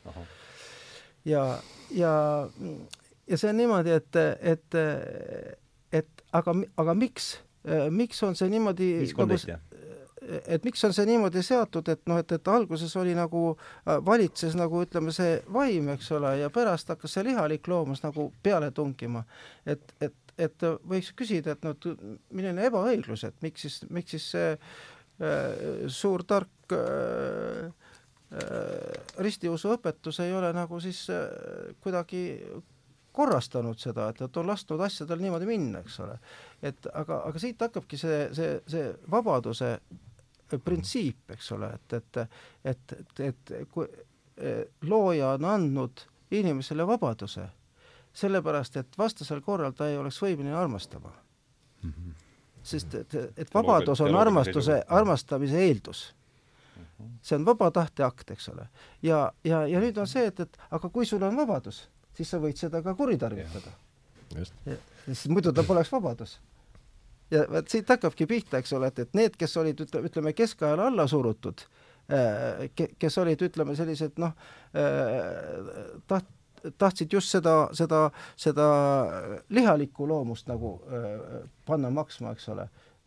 Need hakkasid lõpuks hüüdma, et kuulge, et, et kus meie vabadus on, eks ole. Mhm. ja siis neile anti vabadus aga, aga, aga nüüd on olukord selline, kus ütleme, ristirahvas, kes võiks hüüda, et, et, et aga me tahame ka nüüd vabadust ikkagi saada, nad ei hüüa, sest neil on see väga magus, see olukord, eks ole, no keegi ei taha tead voolu välja lülitada ja ja telekat kinni panna. oi jumal hoidku selle eest, et telekas kinni läheb. see elu seisab. et, et, et selles mõttes siin ongi see, et, et me tegelikult noh, otsime süüd kuskilt väga-väga-väga kaugelt, aga tegelikult on noh, see niisugune kollektiivne, kollektiivse ja me oleme kõik koos selles asjas. jah, et, et, et see on nagu kollektiivse jah, sellise meele, meelehoiakute vili, noh. nagu kehv polüfoonia no, kõik hääled ajavad oma teed ja ei, resoneeru hästi. kollektiivselt, eks ole. et, et, et ei, jah, et, et ei loo uut kvaliteeti aga see oli see ütleme, see teoloogiline eesmärk, ma kujutan ette, oli ju see tol ajal, eks ole no, et see tagada see nojah, täpselt, täpselt, uus kvaliteet. Mhm. See, see, see oligi ju see, et, et sa oled nagu inspireeritud kogu aeg, vaimselt, eks ole. Ah aga räägime nüüd, et see asi, et see Palestriina nimi on siin käinud äh, läbi või kuidas teda, kus see rõhk seal täpselt on, et räägiks temast ka natuke, et mida tema tundub olevat oluline, oluline tegelane et.... las Raun räägib, sest no. minu arust on ta kohutavalt igav heliline. jaa, aga ei no ta on aga äh, las ta teeb alguse jah, siis. selles mõttes, et äh, mina olen tema, tema, tema muusikat kuulanud, kusjuures äh, just nimelt nagu tarbinud tema muusikat vahepeal selle eesmärgiga, et ähm, saada seda konsonantsi natuke rohkem enda, enda sisse kõrvu, kõrvu vahele kõlama, eks ole, et ei oleks, et ja, ja kuna seal on see kontrapunkt ja kogu see noh, see teadus on seal nagu kaasatud, siis see justkui garanteerib seda mm,. siin on väga skolastiline on ta küll. nojah, just, et ahah, skolastiline. ja, jah, et, et ta on väga, väga niimoodi välja peetud. Aquinoga siis ühe selle, muusikaline Aquino siis mingil määral või? Ikka ta on ikka hilisem, see on ei, ma mõtlen selles see, mõttes jah, hilisem ja, küll, aga, aga, aga siis aga, aga ikka palju lahjem, palju lahjem. jah, aga lihtsalt tema, tema noh, minule ta jäi heas mõttes jalgu just seoses noh, kooliõpingutega, muusikatunnist ja lihtsalt niimoodi takerdusin sinna. Äh, noh, olin noorem ja ei teadnud nii palju neist asjadest, aga just see kõlaline distsipliin, mis seal valitses ja ja loomulikult see kõik on sarnane väga, selle noh, need, need äh, nii-öelda varajased polüfooniad ja kõik see on väga-väga sarnane, see kantus firmus, Gregoriuse koraal, kontrapunkt, see kõik on ikkagi noh, väga lähedane. et äh, ja, ja, ja põhimõtteliselt võiks öelda, et seda, seda muusika kirjutamist saab natuke võrrelda. Noh, mis sul on siis, algatuseks on sul Gregoriuse koraal, kantus firmus, vahet pole, kuidas nimetad, kindel asi, mis ei muutu mm, -hmm. siis sa hakkad koostama sinna teisi hääli, mis, mis on paljude kindlate reeglite järgi mm. -hmm. ja, ja võiks öelda, et see muusika kirjutab ennast justkui mingis mõttes ise, et, et see jaa, aga seal on, selle nüansi loob just see tekst, eks ole, mida sa mhm, pead mm -hmm. nagu noh, nagu edasi mm -hmm. kandma, eks ole, et, et, et see, see on see just, et, et tegelikult võib ju, ju, ju rahulikult arvutiga konstrueerida seda muusikat. aga, aga vot seda nüanssi siis ei tule mm. -hmm. Et kui sa, sest tihtipeale sõltub mingist molekulist. see, et, et, et, et kas, kas see..., kas see asi näiteks äh, kõnetab või ei kõneta. Minu... Ainult... ma olen sadu, sadu noote läbi lapanud, eks ole, ja, ja, ja vaatan, et oi, et väga huvitav, eks palju noote, eks ole. noh mm -hmm., täiesti ei, ei, ei kõneta. aga samas on mingisugune näiteks noh, lihtne asi, vaatad, et noh, siin on ainult kartulit, et see ei ole midagi huvitavat. ja, ja hakkad laulma ja vaatad, et noh, täiesti müstika, et, et noh, niisugune vägi on sees. et, et, et ühesõnaga huvitav. on väga, väga raske on jah, ilma praktikata äh, on väga raske noh, teha järeldusi mm -hmm. lihtsalt teoreetiliselt. sellepärast seda, see Apostel Jakobus ütleb ka, et, et usk ilma tegudeta on surnud ja just praktika üks osa on ka see esitus, see häälekool, eks ole, kuidas seda ette kantakse no,, et see on, see on, see, see võib ollagi see, see tõrva, tõrvatilk kusjuures. see, mis sa mainisid, see romantismi no, mõju just, praegu, et see, see, mida see... me praegu Gregoriuse koraalina tunneme, seal on et ja no, roma... mm -hmm, selles suhtes sa paned, paned küll et kümnesse, et, et, et, et kuna, kuna seda Palestriinat lauldi üsna, üsna, üsna vara, vara mm -hmm. hakati laulma Nõukogude ajal et siis lauldi seda ikkagi selle romantilise häälekooliga mm, -hmm. eks ole, mhm. ja, ja, ja need ei, ei sobi kokku omavahel, et kui oleks seda õigesti Gregoriuse koraal ja romantiline häälekool ei sobi kokku, on see ei et..., mitte Gregorius, aga just, just see madalmaade koolkonna Aha. ja renessansi ja muusika Aha. ja romantiline hääle, häälekool ei, ei sobi kokku. sest et noh, teooria on väga sarnane ja sama ja lihtsalt ma, ma arvan, et see asi on ka see, et nii-öelda muusikuna, kes suudab natuke nagu neid kõlasid, mis sealt tulevad, ette, äh, ette kujutada, noh, tähistada, siis äh, muusikuna saab natuke sellest esitusest mööda hiilida nagu, mis sealt mis sealt romantiseeritud esitusest, et see, et ammutada seda kõlalist rahu, mis seal on. no sellepärast ikkagi selle, selle ütleme, ajastu esteetikaga kurssi viimine on ka väga oluline mm, -hmm. et, et, et mm -hmm. näiteks no miks, miks oli nagu öö ja päev, miks Ortus nagu terve, terves Nõukogude Liidus kogu aeg meeletult noh, läbi lõi, oli see, et, et meil olid originaalpillid varem mängiti tavaliste pillidega, eks ole, ja, ja, ja, ja see on täiesti teine esteetika, noh mm -hmm. ja, ja laulumaneer oli meil ka teistsugune mm. -hmm. näiteks äh, Madrigal laulis niimoodi niisuguse, niisuguse ooperi häälega, eks ole, ja, ja, ja ei teki üldse kooskõlasid. kui on üks hääl, mis niimoodi loksub juba äh, äh, siis ja, ja kui on neid hääli neli, eks ole, mis loksuvad, eks ole, siis, siis ei saagi tekkida seda, mida helilooja on taotlenud Mm -hmm. sest helilooja taotleb ikkagi eh, seda, et, et need tegelikult, kui sa laulad näiteks kaks häält juba üksteise peale, siis kui need on puhtalt ja õigesti lauldud, siis tekib juba vaieldamatult terve rida oobert ooperihelisid. ah, seal hakkavad kuulda. need jah, jah, need see matemaatilised hakkavad ja, need sagedused seal ja, mängima. nügitades uusi, sünteesides uusi. ja, ja sünteesivad uusi, nii et, et, et see oleneb väga vahe. palju sellest, milline su hääl on, kas sa oled oma need, need äh, ülemised resonaatorid, mis on näiteks selle Solemi koolkonna üks, üks, üks suur viga, eks ole, et, et tegelikult resonaatorid ei tööta ja, ja kuna sa oled need resonaatorid kokku blokeerinud, eks ole, kinni blokeerinud ja laulad niisuguse keskmise niisuguse peatooniga, eks ole mm, -hmm. siis sellisel juhul ei saa tekkida seda, seda ülemelida, seda niisugust rikkust, eks ole. Mhm. aga mm, -hmm. aga kui, kui sul on nagu äh, see niisugune naturaalselt avatud see süsteem, ja see muidugi, muidugi tähendab seda, et, et, et, et hingamine peab olema kõik õige ja eks ole, et sa ei saa niimoodi noh, kõrgeid overtoone ei ole võimalik ilma väga sügava hingamiseta üldse äh, esile tuua et, et need on omavahel väga tugevasti seotud. ja, ja, ja kui õigesti ka, kaks õiget häält omavahel juba la laulavad, siis juba tekib juba noh, ülemine, kui on neli tükki veel, siis tekivad ka allapoole, eks ole, need, need äh, baashelid, eks ole, ja, ja, ja ülespoole, nii et, et see on väga suur rikkus tegelikult, mis, mis peaks tulema välja mm. -hmm. ikka tundub nagu, ja võib-olla see on see, mis läbi, mul on juba need prillid peas, et ma seda nende läbi vaatan, aga et mulle tundub, et kogu see asi ikkagi liigub sellise järjest suurema standardiseerituse ja, ja, ja, ja kuidagi mitte see... kogu, mitte kogu, selles mõttes, et, et stan-, standardi loob turg. sellepärast, et turul, kui näiteks noh, mina hakkan müüma näiteks mingisugust, ütleme, ploomi mm, -hmm. siis minu ploom peab olema alati iga aasta igas poes ühesugune, eks ole mm. -hmm ja sama on muusikaga, eks ole, et, et kui ma, kui ma näiteks ikkagi müün mingisugust esitust, näiteks äh, kammerkoori äh,, siis äh, see, see kammerkoor peab olema selline, nagu ma äh,, ma teda olen hakanud müüma sellepärast, et kui ma näiteks aasta pärast on see kammerkoor hoopis teistsugune, eks ole, siis äh, ostja ütleb Tarvi, kus on minu kammerkoor? jah, kus, mida, mida sa mulle müüd, kuule mees, et, et see ei ole see toode, see ei ole see toode, mida sa mulle müüd, eks ole. aga, aga, aga, aga tegelikult muusika käib väljaspool seda süsteemi ja, ja neid tegijaid on küllalt, et, et need, nendest ei tea keegi midagi. noh, seda ma aiman, mida, mida, mida sellega ja, lausega on mõeldud, jah. mujal, mujal ja kuskil, et ühesõnaga turul ei ole äh, päris muusikat, nii et selles mõttes kahjuks aga on üksikuid näiteks noh, ütleme solistid või mingid niisugused näiteks džässmuusikas on küll kus nagu äh, inimesed on niivõrd inspireeritud, eks ole, ja, ja seal on väiksed grupid, seal on kaks-kolm inimest, kes tõepoolest ühtemoodi tunnetavad, eks ja. ole, neid ei huvita see, kas, kui palju neile makstakse, eks ole, ja ja, ja kas üldse, no me näiteks käisime nüüd Krakowis, oli meil kontsert ja mis mis, millise kollektiiviga? selle linnamuusikutega.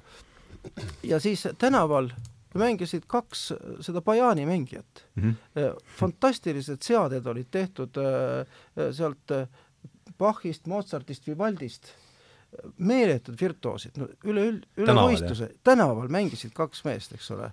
ja sellised seosed, selgus, et nad olid mingid Ukraina bajanistid, lihtsalt tulid, tulid ja mängisid tänaval, eks ole, ma ei ole sellist mängu mitte kuskil kuulnud, eks ole et, et, et, et, et ühesõnaga päris muusika käib kuskil ka, et see ei ole kadunud mm. -hmm. see, see ei, see ei kao ka kuskile.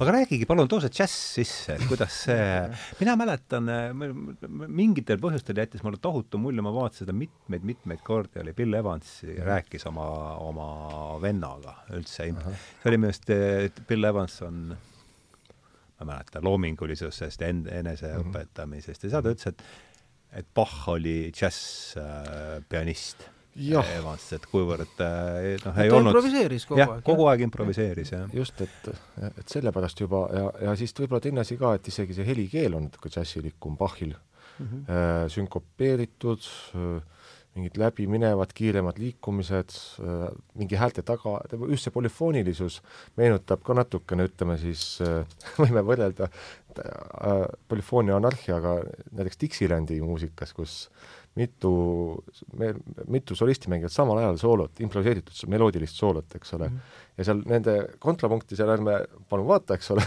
see on täielik kaos seal. see tuleb nagu jumal juhatab parajasti, eks ju. see tuleb lihtsalt toodet lihtsalt tuleb, eks ju, turust antakse niimoodi. Dixieland, jah? jah, Dixieland. et no iseenesest on vägagi raske oleks seda mängida just, et sa keskendud enda liinikesele, selle siis keegi laamendab sul seal kõrval konkureeriva liimiga, liiniga ja, ja ei, ei jää vait ka, eks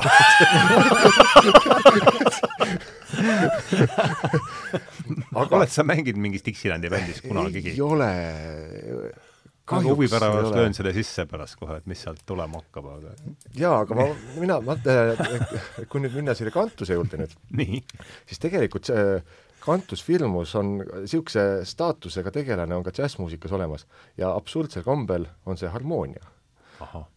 mingi harmoonia džässis vastab Kantus Firmusele harmoonia no,? mitte sõna, seda terminit ei viida kokku, see on see kõige kindlam laul, mille Aha. ümber siis džässis võib olla ah,, loo meloodia võib olla juba improvisatsioonidega äh, kuni selleni, et äh, mitte et, et ei kaunista, vaid lihtsalt muudad ära mingisuguse lõigu või siis jätad ära mingi lõigu meloodiast. ja, ja sellega, et siis see kindel laul on just harmoonia.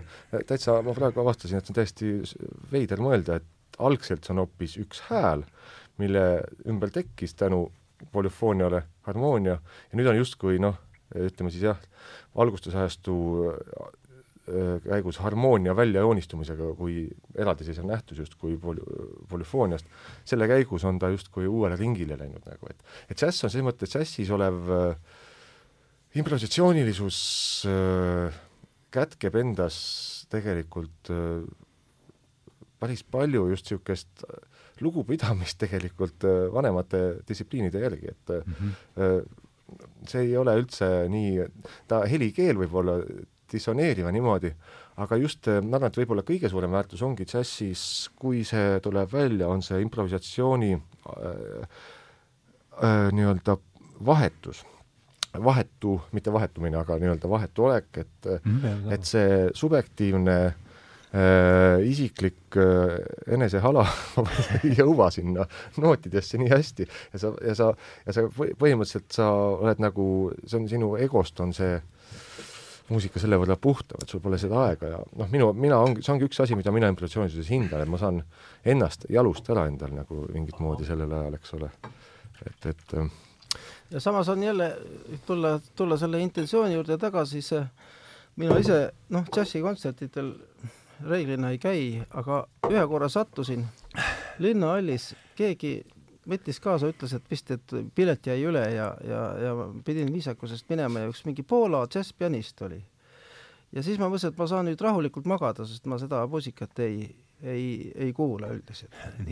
ja siis see, see poolakas hakkas niimoodi toksima, toks, sest niikaua, kui ma olin tead täiesti niimoodi ärkvel, eks ole, et põlesin, et mis sealt tuleb, eks ole, et, et ühesõnaga tal, tal oli, tal oli mingisugune visioon, eks ole, mis, mis kandus nagu selle selle tema, tema, tema mängu kaudu kandus edasi ja, ja, ja, ja, ja mõjus nii tugevasti, eks ole, et, et, et, et, et ühesõnaga noh, et see, see, see ongi see vahe, eks ole, et, et üks inimene tuleb ja mängib, eks ole, oma harjumuspäraseid, ütleme neid niisuguseid noh, motiive ja, ja, ja, ja ei, ei kõneta, aga, aga teine tuleb ja mängib selles olukorras.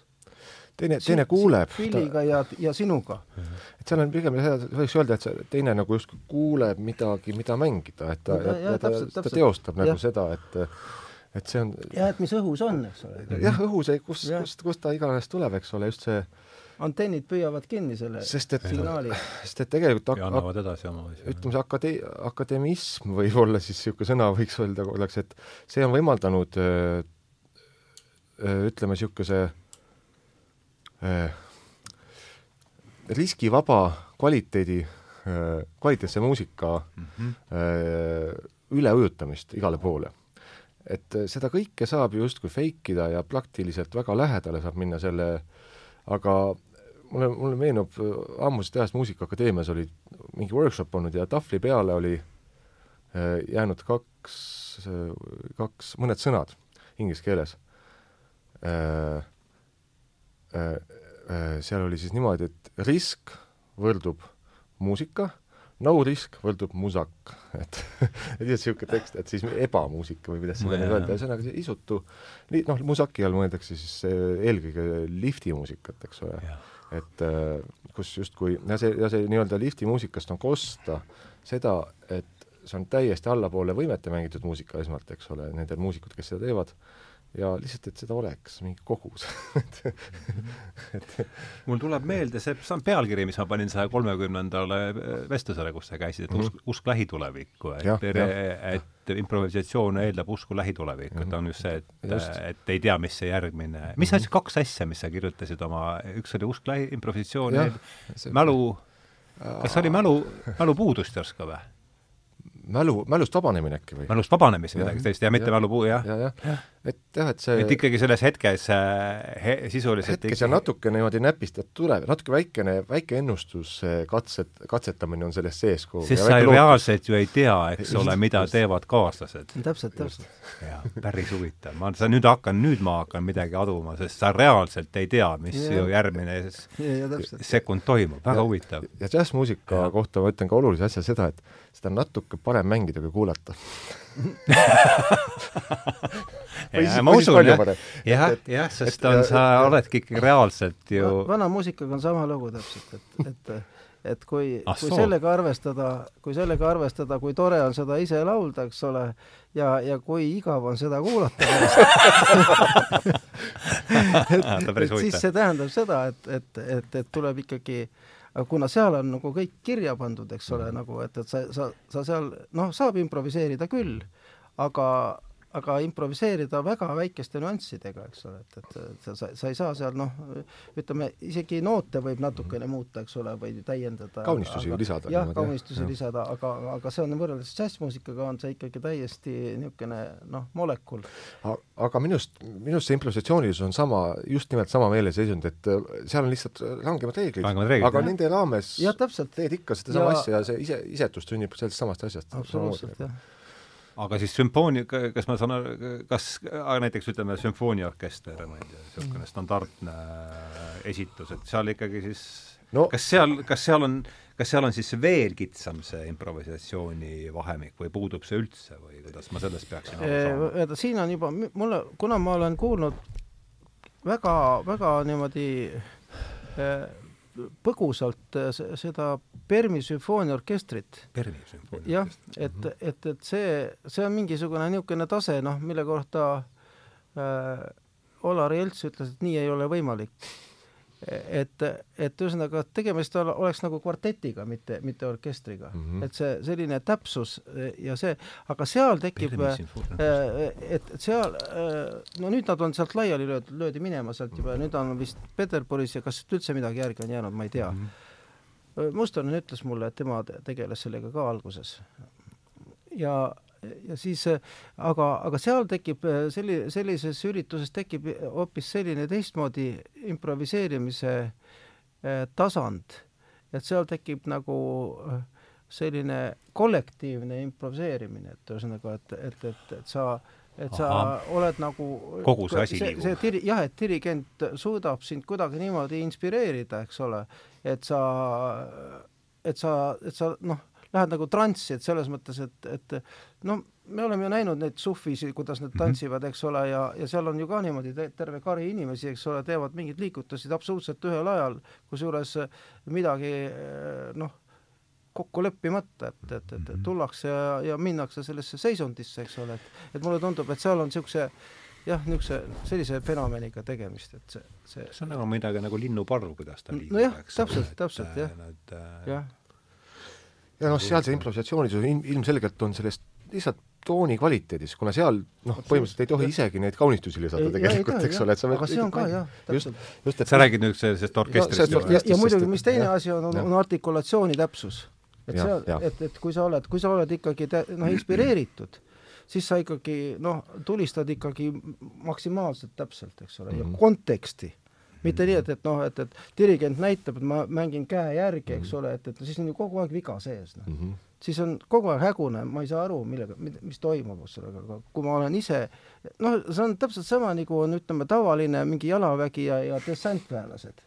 et, et, et dessantväelased on ju sellised, kes, kes, kes, kes noh, ta, ta võib iga hetk saada surma, eks ole, aga, aga samas kokkumäng on täiuslik selles mõttes, et sa pead olema kogu aeg teisega seotud, eks Jaa. ole, ja ja, ja kogu aeg on, on noh, sõrm päästikul, eks ole aga Jah. ja. tavaline jalaväelane võib rahulikult kaevikus magada ja, ja, ja, ja midagi ei juhtu. Jah. huvitav, et eh, Jamie Wheel, tal on raamat eh, Stealing Fire, tema alustab ka just sellest eh, eriüksuslaste, seal käib samast asjast, Ja, et ja, kuidas täpselt, grupid tööd, no kuidas grupid hakkavad tööle linnuparvedena. absoluutselt ja, jah, jah, see on see, jah. jah, selle peaks eesti jah, aga no selleks on vaja ke-, kedagi, kes nagu inspireerib, et see ei ole niisama, et, et, et et kollektiiv ise võtab näiteks mm. kätte, et, et ei võta midagi. no seal on jah, põhimõtteliselt on, on ka oluline, et teatakse, et kusagil on mingid noh, reeglipiir on ka, eks ole, sest et improvisatsiooni võibki hakata ju vaatama sellest äh, niimoodi, et sa mängid täpselt seda, mis kirjas on, ja lihtsalt tooni nüanssides seisneb, kuni selleni välja, et kogu muusika, kõik noodid on täiesti improviseeritud, hakkad lihtsalt, vajutad ühe noodi, vaatad, mis teine mängib, keegi kolmas vajutab kolmandat noodi, vaatad, mis modustama hakkab, eks ole mm.. et see on nagu ja siis noh, võib-olla siis äh, improvisatsiooni ekstreemne vorm on siis see, kui see asi on atonaalne ja rütmiline. no siis tulemuseks on tõenäoliselt mitte, mitte väga midagi ühist, väga võib-olla ei teki seal, eks ole, aga lihtsalt lihtsalt, et selle asjaga saab ka minna täiesti lõhki, selle improvisatsioonisuga. nii et igaüks, põhimõtteliselt erinevates keeltes inimesed karjuvad koos, eks ole, ja mis see kokku teeb, eks ole, et noh, sealt et seal piirangud on need, mis, mis hoiavad, hoiavad nagu, jah, asjad koos, jah. ja seda ma olen ise ka tähele pannud. jah, ja on see, on see kantus või on see džässharmoonia, eks ole, see on alati abiks ja, ja kusjuures minust see aitab ka isetumalt toimetada, et see, et, et noh, mina ju ei ole süüdi te,, teine tegi selle ja mina lihtsalt aitan seda teha, eks ole, et see tekitab nagu selle, selle isetuse seal ka, eks ole, ja see jah, see, ja see risk äh, on seda nauditavam sellel esitusel mm, -hmm. kui sul on reeglid, mis peavad ka no kena, me oleme, üllatus-üllatus, me oleme siin tund nelikümmend istunud koos ja, ja nüüd on aeg hakata mõtlema sellele, kuidas see jutuajamine äh, sadamasse juhtida, et äh, mulle isiklikult, mitmed asjad on kõrva jäänud, ma olen siin teinud õige mitte, mitmeid niidiotsi endale pannud kirja, mida pärast siin vaadata, et aga üks sõna ja mõiste, mis mul siit jäi kõlama ja see on, viib selle tõstab selle debati või vestluse võib-olla natuke ühe abstraktsiooniastme võrra kõrgemale ka, et inspiratsioon, et selle olulisus, mida te selle all mõistate, kuidas selleni jõuda ja ja mul teine, mis üks lause, mis võib-olla siin natuke haakub sellega, millest rääkis Raun siin, et klišeefoobia, et kui, kui klišee on kõrgemalt, siis tekib selle vastu usaldus mm, -hmm. et mhm. kuidas need äh, mm -hmm loobiks selle palli, viskaks, paluks teil selle palliga mängida seal vastaspool, kes tahab alustada? no üsna samas kohas on need asjad just, et see, et, et inspiratsiooni võib ju tegelikult, jah, kui seda vaadata kui eraldi ainet, mida kusagilt nagu mingisugust toodet või asja, mida siis võtta, et nüüd temaga koostööd teha, eks ole, siis kindlasti üks, üks universaalsem viis on kuulata ja märgata, et, et, et mitte loota juurde saada, vaid hoopis äh, vaikus või, äh, või kas või askees või mingisugune, mingisugune vähendamine, enese vähendamine, et sa hakkaks märkama, sest et ju inspiratsiooni põhiline vaenlane ongi ju minu arust see väikene uhkus ja enda see kvalifitseerimine, et kas, kas noh, ma räägin natuke enda mätta otsast, kuidas mina diilin inspiratsiooniga, mina, minul aitab inspiratsioon äh, või mina, ma saavutan inspiratiivse seisundi just siis, kui ma saan endast, no siis, kui hakkab kuidagi midagi kõrvalt sisse voolama või niimoodi ja mm, -hmm. ja ma, ja ma saan aru, saan aru, et ma, et ma nagu tegelen mingisuguse väikeste tuumajäätmete käitlusega, mis on mul kätes siin, aga samas ma kuidagi saan sellega hakkama. see on see risk, ma, ma ei jõua selle ajaga valetama hakata väga Äh, võib-olla natuke võib-olla ühe menismikese või kaunistuse jagu, eks ole, aga just, et see pigem ongi jah, see, seda ei saa nagu juurde, vaid seda saab märgata. inspiratsiooni ja just see, äh, mis see te, teine asi, mis sa ütlesid? klišee. jah, klišee, eks ole, see klišee usaldus, eks ole, et kas äh, see, minu arust selle asi, kõige, selle küsimuse lahendab lõplikult minu jaoks ära see, et mida, et kas ma loon midagi, mina küll ei usu, et et kui ma heli, muusika kirjutan, ma loon midagi, ma ei, ma ei loo, ma, ma kogun äh, klišeesid. Ja võib-olla mõned on eksootilisemad, eks ole, vähem teatud klišeed. Ja siis ma saan, ma saan öelda, et vaat, kui originaalne nüüd see asi tuli, eks ole, aga aga siis ma võiks ka saba jalge vahele tõmmata ja öelda, et ma nüüd teen täiesti originaalset muusikat, et tühja see paari tuhande aastane tonaalsus, eks ole, ma hakkan Sellest lihtsalt laamendama, eks ole. just, et eh, tulemus on see, et sa oled üksinda ja Kari, mõne, noh, Kari valges kitlis inimesi on kaasas uurimas sinu, sinu tulemust, eks ole, ja siis ongi nagu see tunne, kogu tunnustus see on üks trükimasin. arvukatest tagajärgedest. Et valged kitlid et noh, see äh, ütleme, selle aususe klišee, äh, professionaalsus, rahvamuusika, need lõhed on nii suureks läinud. Äh, et sealt tuleb kogu justkui üle hüpata ja siis, kui sa satud sinna professionaalsete poole, siis sa oled narr rahva silmis, kui sa oled rahva poole, siis sa oled narr professionaalide silmis, eks ole, teed just kahe valet asja, see polariseerumine on väga ebameeldivaks läinud seal, selles, selles maailmates. loomulikult no ma, võtame praeguse aja nagu noh, muusikas siis niisugused, võtame kõige suuremad sildid, eks ju, klassikaline ja äh, popmuusika siis, eks ole mm. -hmm. Neid asju listates hakkavad mõle-, tihti mõlemad kvaliteedid väga kannatama. et, et et see, see on mm -hmm. kuni jah, et nimesid nimetamata, aga Eesti, on olemas isegi niisugune ansambel, mis on noh, Šveitsis on tohutult populaarne ja kes teeb siis, võtab äh, klassitsistlikku muusika ja esitab seda siis nagu noh, täpselt, vägagi ehedalt, eks ole, helikeel ja niimoodi, orkester ja niimoodi, ja seal taga on trumm, mis mängib biiti lihtsalt. Seesama seal juurde, et seal, mis kõige noh, üks kõige judinamaid tekitavaid asju üldse, kui need kaks asja kokku suruda, eks ole, et niisugune ähm, tõsiseks kulutatud muusika, eks ole, niisugune tõsine noh, klassikaline muusika ja siis väike niisugune õlu sinna kõrvale tiksuda niimoodi, eks see on nagu see, et, et niisugused põrked ja niisugused, kui niisugused äärmused lükatakse kokku, see annab mõista seda, et mi-, et äärmused on suureks läinud.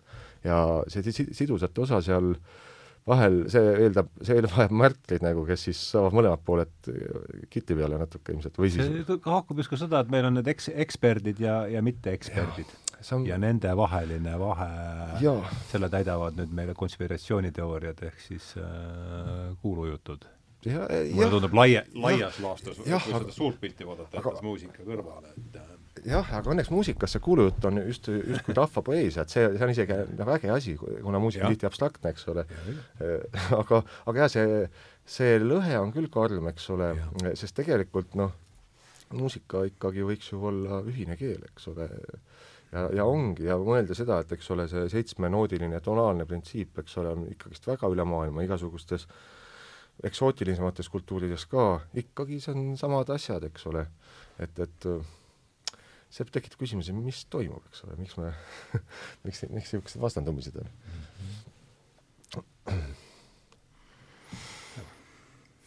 noh, inspiratsioon siis? mina selles mõttes, et no ta mina nagu üritan ikkagi nagu mingit nagu seisundit nagu avastada ühes või teises heliteoses, sest et no mi-, mina põhiliselt ju noh, kui ma teen ise seadeid rahvakoraalidest, et siis võib-olla on tegemist mingisuguse loominguga, aga näiteks polüfoonia puhul mul on ju ainult klišeed, et, et ega mul ei olegi, mul ei olegi mingisugust noh, valikut, aga, aga samas mi-, milles on vabadus ja inspiratsioon, on ikkagi selles, selles noh, vaimse seisundi analüüsis, et, et noh, no võtame kas või see, et, et, et kui üldiselt nagu valitseb masendus ja, ja, ja norg, eks ole, et, et siis, et kuidas, kuidas nüüd kuidas nüüd äh, see lootus sealt välja tuua, eks ole, mhm. sellest ja, ja, ja, ja ühesõnaga see, see väga tasand. väga hea küsimus praegu seal. et see, see, see, see tasand, äh, see, see tasand ongi see inspiratsiooni allikas, eks ole, et, et mm, -hmm. et, et tegelikult ju muusikat ei ole ju mõtet teha sellepärast, et, et kuidagi vaimustada oma isikuga Äh, noh, publikut, eks ole. aga on, on niisuguseid inimesi küll? on, aga lihtsalt ma, ja, ja mind vaimustab ka, aga ühe korra ainult et see ei ole niimoodi, et ma siis, siis saaksin seda nagu teist korda tahaks veel vaadata, no on igasuguseid tsirkusetrikke tehakse. aga, aga, aga, aga noh, selle, ütleme selle vaimse, ütleme sellise inspiratsiooniga või selle, sellega see, seal on palju nüansse, eks ole, et, et, et mitte ainult see niisugune üks asi, aga, aga, aga no seal on näiteks no ütleme, niisugune suursum korda näiteks äh, ülend, ülendatud meeleolu, eks ole, hümnides, äh, äh, mis on nagu domineeriv, eks ole, ja ja, ja need on, need on kõik sellised seisundid, mis nagu tõstavad inimese nagu maa pealt natukene kõrgemale ja pööravad nagu pilgu. see muusika on tehtud ja, selle ees, seisundi saavutamiseks, eks ole. jah, ja, ja täpselt, ja, ja, ja see inspireerib. Sellepärast, et kuidas ma seda saavutan, selles mõttes see on väga raske. Kümme, kaksteist inimest, eks ole, ja, ja, ja ühel puhul äh, see, see, see on saavutatav, aga, aga tavaliselt ta ei teki ise et, et vot see on see, et, et, et, et sa pead, sa pead analüüsima koos teistega ja, ja, ja noh, et, et, et kõik see, kõik seda visiooni nagu jagaksid, eks ole mm. -hmm ja siis äh, ennast ka nagu, nagu sa ütlesid, et ohjeldaksid, et, et, et, et sa pead ju, eriti kui siin, mida rohkem inimesi, seda rohkem sa pead ennast taandama ju tegelikult. just, just.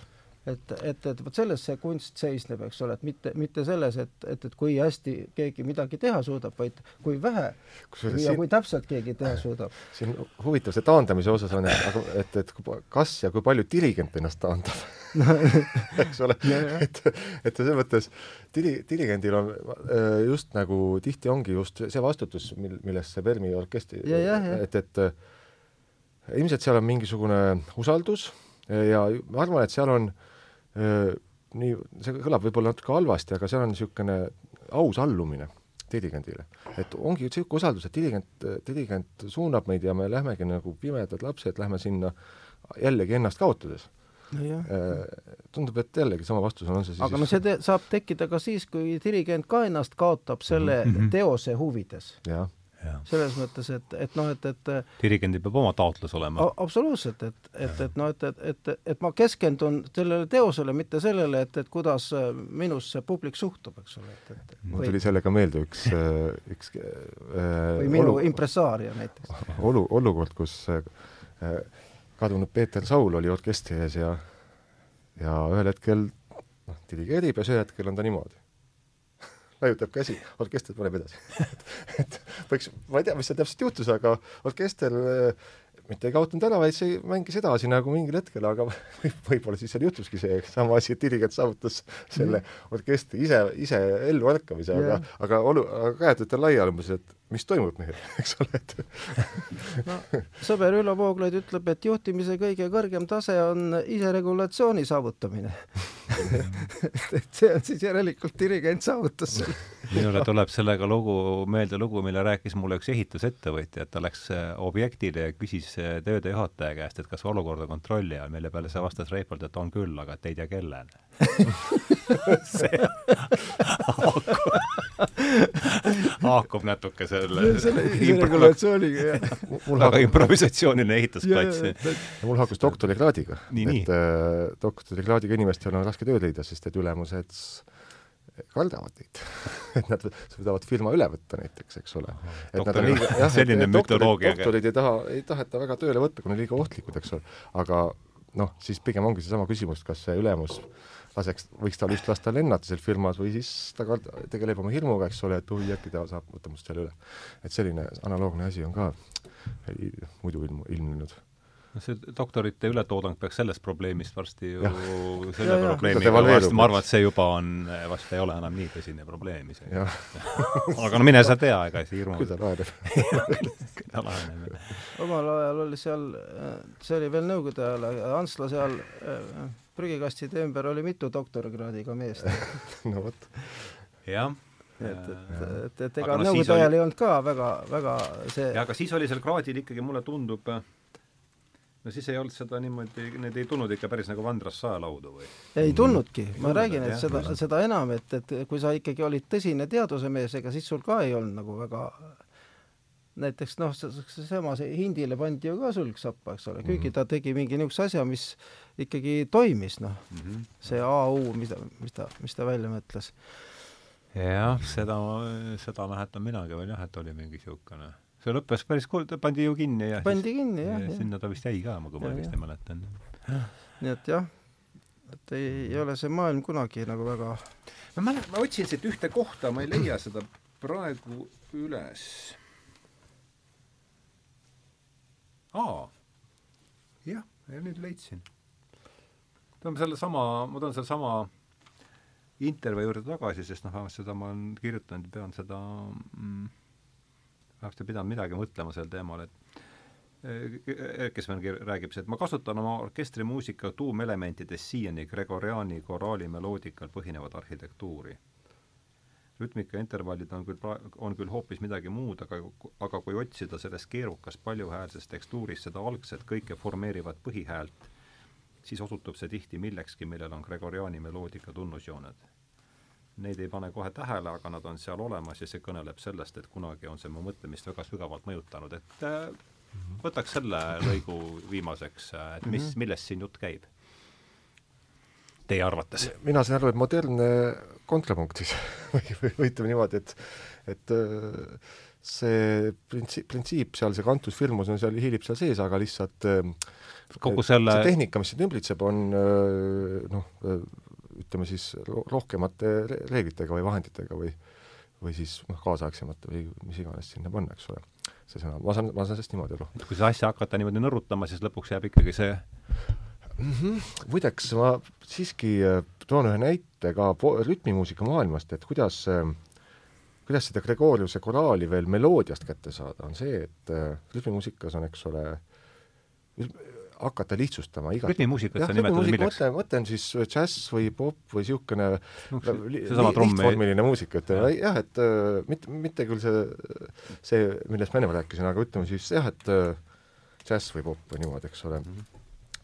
Et seal on äh, noh, kui hakata tegema niimoodi, hakata tühistama neid, lihtsalt tehniliselt hakata tühistama äh, mingisuguseid tämbreid, mingisuguseid sünkoope, mingisuguseid vormiosasid ja hakkad aina, aina vähemaks võtma asju ja kui sulle jääb pihku üks lastelauluke täpselt seda sa rääkisid kunagi, jah. siis, siis see kantu, kantus filmusekka, siis, siis võiks öelda, et asi on korda läinud. et see, et see lugu tegelikult toimib ka tulevikus mm -hmm, alateadlikult inimestele ju, et, et see, see kont on seal sees nii-öelda, see meloodia kont, eks ole mm. -hmm. et, et sellise aga, ja nüüd ongi küsimus, et kas need ülejäänud, see ornamentika, kogu see, kas see nagu põlvneb sellest sisust, meloodiast nagu orgaaniliselt või on ta sinna juurde poogitud eh, sellepärast, et midagi oleks, eks ole, nagu et mhm. paneme midagi juurde, vaatame, mis juhtub, et noh, et mitte noh, nii, nii saab, nii saab tegelikult improvisatsiooni üks asi on ka tegelikult see, et paneme midagi juurde, vaatame, mis juhtub, eks ole, et aga, aga sinna ka jõuda käib niisugune, loodame väga, et ikka äkki läheb hästi. sama see usk lähi tuleb ikka, eks ole. täpselt, et et jah, et niisugune para-, paralleel jah, et, et see kantus on, firmus on lihtne asi, väga lihtne, aeglane laulukene. see, milles mille juured lähevad sinna just, siis all, all the way down. just, ja see, mida saab esitada sõrme, sõrmides ka võib-olla laps klaveril kuidagi, kui ta natuke vaeva jääb, ja see, see, mille, mille palja esitusega võib-olla tõsiselt haritud muusik ei, ei saa, ei saa nagu hakkama, sest et see ei rahulda teda, tal on vaja seal kõik täis klibada midagi aga see kaunistusi täis kogetada. just, kaunistusi täis ja võib-olla isekaid või isetuid, eks ole, see ongi see, et kas ta on, kas ta austab seda alget või siis ta paneb ennast sinna juurde, et noh mm -hmm., noh, enda panemisest ma see on isiklik asi, aga ma, ma ise võimalikult vähe nagu kaasan seda, et see on, see on üks lihtsustaja mm. -hmm. siis ei tule uhkuse küsimusi nagu. mm. -hmm. Taivo, tahad sa no, lisada midagi no, sellele? see Erki Sven puhul, Sveni puhul ma arvan, et, et just, just see äh, see intentsioon on see, mis tegelikult äh, noh, võib-olla kannabki seda heliteost, eks ole, et, et, et, et ega see äh, see ei pruugi sealt välja kosta, eks ole, aga, aga just see, et, et inimene juba, juba ütleb, et, et see Gregoriuse koraal on nagu see, selleks niisuguseks baaselemendiks, eks ole, et, et siis see, sealt hakkab nagu juba see välja kumama, see, see, kui sul, kui sul on niisugune taotlus või visioon, et siis mm, -hmm. siis ta sealt tuleb, eks ole aga, aga jah, et, et selle noh, see improvisatsioon sealjuures noh, see on niimoodi, et, et noh, mina näiteks olen teinud neid oma neid rahvakoraali seadeid isegi mitte sellepärast, et et no ikkagi muidugi selle koraali enda sisu ja, ja enda selle meloodia, enda selline vaimsus, et see on see, mis nagu inspireerib.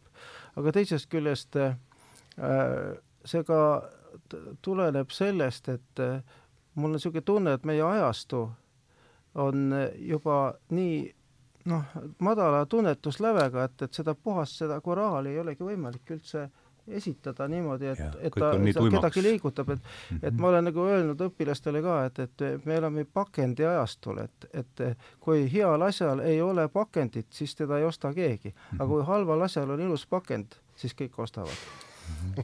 et, et, et ühesõnaga selle pakendi pärast tihtipeale tuleb teha seda, seda, seda seadet, aga, aga samas noh, ütleme noh, lihtsalt ei saa teha äh, väljaspool konteksti seda, kuigi, kuigi võiks võiks pakkida ükskõik kuidas kiiresti ära ja panna lipsu peale ja ja läheb. lill peale.